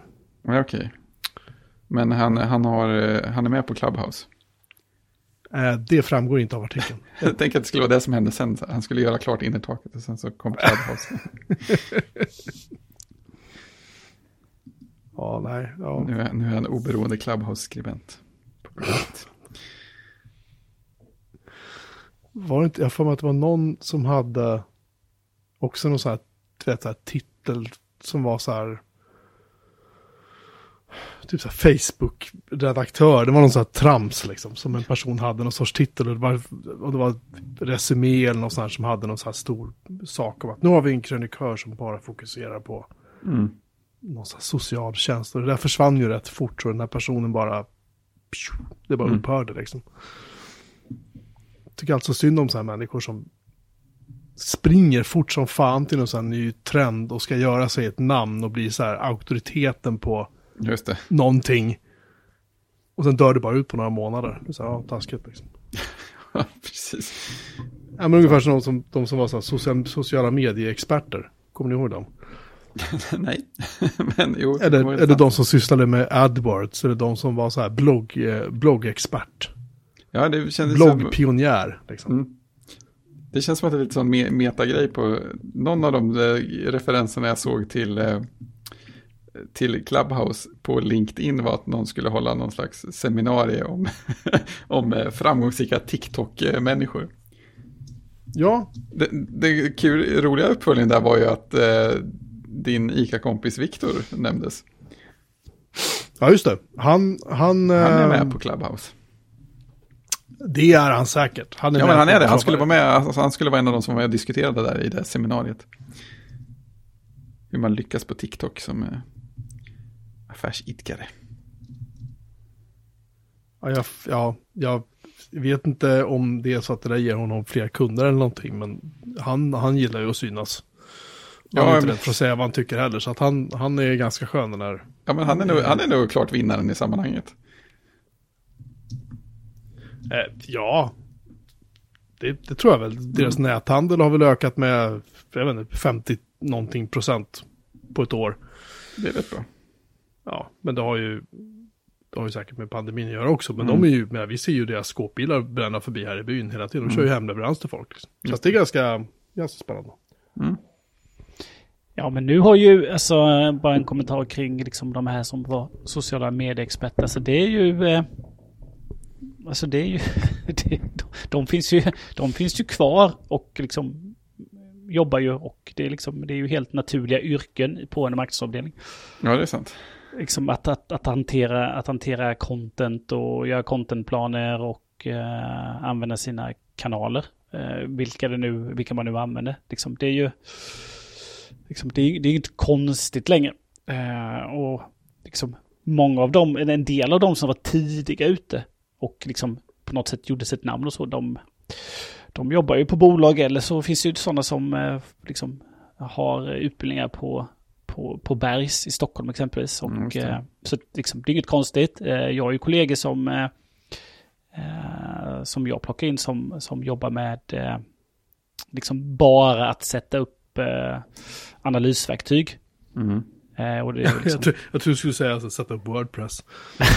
ja, det- ja det, det finns det de också. Men de som bara liksom, nu ska vi sätta upp, eh, kunden jobbar med Google Analytics och eh, behöver hjälp liksom hitta mätpunkter och sätta upp det i Google Data Studio. Ja, det. och liksom, liksom, det är liksom, det är inget, kon, det är inget konstigt. Nej. Eller de som, eh, de som jobbar med annonsförsäljning, liksom, hur ska vi hjälpa dem och liksom, med det? Alltså det är ju, det. det, liksom, det finns ju fortfarande kvar. Mm. Men Eh, används i- titeln social medieexpert fortfarande? Eller heter det något annat? Nej, det skulle jag väl inte säga, utan det, det är ju väl en mer integrerad del av företagens Ja, det låter på något sätt inhouse eller marknadsavdelning. Mm. Eh, eh, men man, man ska ju kunna, alltså, Ja, man måste ju kunna sådana Alltså, saker. ja, man måste ju, man må, alltså, för att köpa och förstå eh, exempelvis Facebook då, så, så, så måste man ju vara där. Liksom, det är ju inte någonting som man, ja men vi startar ett, vi startar ett Facebook-konto och så postar vi lite, lite content och så hoppas vi att vi får spridning. Liksom, det är inte så det funkar. Nej. Utan man måste ju veta hur Facebook fungerar och hu- hur man, hur, hur man når ut och jobbar med och, och sådär. Så att, eh, nej men det är ju, det är ju heltidstjänster. Eh, SKF, eh, liksom kullagerföretaget har ju en head of social. Mm. Liksom, sen några år tillbaka. Det är ju, liksom, de flesta bolag har ju det. Ja. Men vad, jag fråga, vad gör SKF på sociala medier? Hur, alltså, hur mycket kan man prata om typ så här kullager Massor. på Twitter? Det är det. Visste ni Ja, att det det här är väl- kullagret har 36 kulor? Wow. Det är väl inte främst där de är, men det är ju det är liksom, det är samma sak om du tittar på eh, lastbilar. Alltså de som, de förarna som, som kör Scania, de älskar ju sina Scania-lastbilar. Mm. Eh, så att eh, liksom, man bygger ju man bygger varumärke och community och, och känsla. Eh, det har de ju liksom gjort på andra sätt och nu gör de ju också i digitala kanaler. Eh, så att nästa gång de ska köpa sin lastbil så gäller det att ha åkarna med sig så att det åkeriet köper in Ja, visst. Scania. Eh, och det är ju samma sak med kullager. Man skapar ju relationer fast man gör det på nya, på nya sätt. Så det ska inte underskattas. Ja, man har en del jobb att göra på typ LinkedIn och sådär också. Ja, och nu kan jag tänka mig att i pandemitider då, när alla liksom, mässor och kundbesök Ja, och allt annat liksom, som, som man använder liksom har försvunnit, vad gör man istället? Mm. liksom för att ändå bygga att, ja men, när man tänker på, på kullager eller när man tänker på belysning så ska det vara vårt företag då. Eh, Så då får man hitta andra vägar eh, när man inte kan göra de där kundeventen. När man, att, eh, när man inte kan representera och supa ner kunderna. Nej, Ja, men precis. lite så. Eller, Ja. eller man bjuder in dem till, alltså när jag var på Fagerhult så var det ju, eh, det, liksom, det var ju, det var ju eh, kundbesök i stort sett varje vecka då internationellt. Liksom Mm. fabriksvisning, föreläsningar, eh, middagar och så hade ju, liksom, fanns ju ett eget liten hotellverksamhet där de liksom bodde och sen kanske iväg på något studiebesök och liksom, liksom det rullar ju hela tiden. Men nu kan man ju inte göra det så då får man ju ut på andra sätt istället. SKF kunde höra av sig och sponsra podden. Det hade varit jätteroligt. Ja, absolut. Vi Bara rabbla se, massa fakta om kullager. Visste ni om att ett kullager är, det är bra? Det slår ju Squarespace liksom. Ja, ja, ja, ja lätt. Jag hade ju aldrig pratat om Squarespace om vi hade fått välja liksom. Mellan SKF och Squareface. Squarespace. Squareface, ett socialt Squareface. nätverk. Finns ni inte på Squareface, Squareface så finns ni inte. Så är det bara. Jag sitter och tittar på Lineage OS-bloggen. Tydligen ska de släppa en officiell version nu för min OnePlus Nord som har legat här Ja, i några månader. Det vore kul att få på den. Inte för att byta ämne, men, men nu byter vi ämne. Ja. Eh, vad ska vår podd heta egentligen? Jag heter ju eh, Björn Melin. Ja, men nu är vi ju tre. Så. Ja, fast eh, så fort, så fort man sätter upp sitt namn så, så innebär det ju ansvar. Ja, jag förstår. Just, just det, Christian. Så, så, länge, så, så länge man inte har sitt namn där så eh, kan man göra lite som man vill. Ja, det, ja, mm. Eh, så jag är inte som en sån, eh, som en advokat som gärna vill upp sitt namn och bli en partner, utan eh, jag, jag glider lite under radarn. Ja, jag, jag kan respektera det. Och, sen får man ju också se det så att det är ju onödigt att eh, eh, då efter 200, nu 45 avsnitt då, eh, förstöra ett sånt fint varumärke då. Det är det som är vår social medieexpert. Ja, ja, jag menar det. Du är ju Vår social marknadskommunikatör, förlåt. Nej, alltså jag, jag sa inte att vi skulle byta. Ja, nu har jag i och för sig bytt namn på våran kanal i, i uh, våran Mastodon Riot-kanal. Det heter numera Björn Melin Ås, för jag tyckte det var så roligt. Men, men jag, håller, jag säger inte att vi ska byta domännamn eller att vi ska byta namn på podd. Jag säger bara, vad ska den heta? Jag bara är tydlig med det. Mm. det ska den heta samma sak? Ska den heta... Jag hittade ju domännamnet BMA, bma.fm, det tyckte jag var jätteroligt. Men det kostar 900 spänn så att det... Ja, FM är rätt dyra. Ja, eller Bjurman Melin as.online. 30 31 kronor och 73 öre plus moms. Jag undrar varför. Undrar om priset går ner ju längre namnet blir. Ja, men jag tror det. Trestaviga, du som är sociala medier-expert Christian, är det inte så att trestaviga domännamn är väl dyrare än typ så här 5, 6, 7 staviga? Ja, de har ju alltid varit eftertraktade och tvåstaviga också. Oh. Så det har alltid varit... Så bm.online kanske. Wow. Så, så är det. Nej, men... Eh, det vet man ju inte. Jag kanske är som... Eh, jag, kanske är som Clubhouse. Jag kan inte finnas kvar till midsommar. Nu blev det mörkt till plötsligt. Nu blev det väldigt mörkt här tycker jag. Sjukt. Vad, ska vi göra med det här? Kanske smälter bort eh, med Vätterns is. Kanske ställer sig på isen och försvinner bara. Det hade varit ännu värre. Det blir, Gör det inte blir bara värre Gör- inte det. Hur ska vi komma ur det här? Gör inte det Christian, det vore dumt. Ja, men det är fint. Eh, Man ska inte, man ska inte byta namn på något bra i onödan. Eh, Nej. Så att, eh, nej, det blir bra. Jag är fortsatt eh, lite, lite, mer, lite mer frekvent återkommande gäst. Låter rimligt tycker jag. Det låter Stamgäst rimligt helt för enkelt. vårkanten. Ja. Vi får se. Jag eh, sa ju det att det skulle vara kvar till vi har eh, kört eh, Titanic 2-avsnittet. Oh.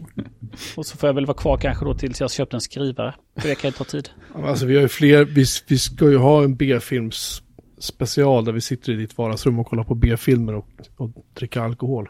Liksom. Ja, det Och, behövs. och sen, ska, sen ska Fredrik sitta och klippa ihop det där efteråt. Det är någonting vettigt. Jag har inte lovat att det blir någonting vettigt. Nej, men du ska försöka klippa ihop det i alla fall. Vi kan väl säga så då. Det kan vi säga. Det kan bli hur roligt som helst. Men det tar vi sen eh, eh, när vi är vaccinerade eller Mm. jag vet inte, när den här skiten är över. Framåt vår, sommar. Du pratar om det här avsnittet nu. Nej, ja, B-filmsavsnittet alltså. Pratar jag om. Inte, inte någonting annat. När Tegnell ger klartecken. Just det. Ja, jag menar det. Tegnell, är det okej att köra B-filmsfestival eh, festival hemma hos Christian? Absolut. Ja, men då så. Jag tänker att det bara anmäler sig som, eh, som media till presskonferensen. och koppla upp sig på Teams och ställa frågan. Jag kommer från sociala medier, får jag vara med? Ja, Är, är du på Clubhouse? Absolut. Ja, men då. Välkommen precis. Tegnell har ett eget så här uh, Clubhouse-rum kanske. Tycker jag känns rimligt. Ja, men han, eh, han är inte oäven. Han kanske ställer upp. Bjud in honom till en intervju till podcasten. Just det. Stort. Ja, det hade varit stort. Ja, ja. Eh, innan vi avslutar vill jag uppmärksamma en födelsedag. Mhm. Det är nämligen så att eh, för 93 år sedan så föddes min farfar. Han skulle faktiskt ha fyllt, han skulle ha fyllt 93 år idag om han fortfarande hade varit livet. Men det är han inte, han dog 1990. Men eh, ja, Sten Tore Ingemar Melin. Det var en bra karl. En gigant bland giganter. Just det. säga. För att parafrasera Ernst Sture Järegård. Om det nu var han som sa det, jag minns inte. Wilhelm Moberg. Nej, det var Robert Gustafsson som sa en gigant Ja, precis. bland giganter. Ernst-Hugo Järegårds Nacksberg. Ja, Hoppas vi kan länka det klippet. jag skulle behöva se Nile City igen också, känner det var länge sedan sist. Nej, men eh, vi är väl klara så Jag tror det. för idag. Vi stänger butiken med eh, Men lämnar ni Denna- fönstret öppet? denna Melin-gigant. Ja. precis. Nej, men han var, han var, han var en snäll, han var en snäll man. Min stackars farfar. Han var bra. Mm. Han lagade alltid punkteringar på min cykel när jag var liten när vi bodde grannar. Det är stort. Han hade alltså typ tre, fyra cykelslangar hängandes på tork på klädvindan inne i ovanför badkaret i lägenheten. Han, han lagade punkteringar på löpande band, sen jag och min bror stack ut och cyklade, så kom vi tillbaka en halvtimme senare, då hade vi punka igen. Och så, ja, då bytte han bara slang och så, här, ut och åk. Det är som depåstopp bara. Ja, men lite så. Det är Sådär. fantastiskt. Så han hade alltid, hade alltid så bra godis. Han hade alltid så Marianne-godisar hemma. Det Åh, tyckte jag. det är bra. Det tyckte jag. om. Klassiskt. Mm. Det är ju far och morföräldrarnas eh, eh, uppgift att se till att eh, barnbarnen eh, blir bortskämda med eh, godsaker. Ja, Så är det definitivt. det är, det är korrekt. Jaha, ni, nu ska jag gå och lägga mig. Ja, dit då. Ehm, tack till alla som har lyssnat. Vi finns fortfarande på bjudermanmarin.se. Där ni kan läsa allt om det här avsnittet, tidigare avsnitt eh, och vilka vi är som är med i den här podden. I alla fall två av oss. just det. En vill inte erkänna något deltagande. Nej, vi hörs igen om en vecka. eh, och, vilka ni får höra då, det, det får vi se. Precis. Det är åtminstone två av oss. Ja. Ja. Eh, men ja, tills vi hörs om en vecka. Shing. Shing. Shing.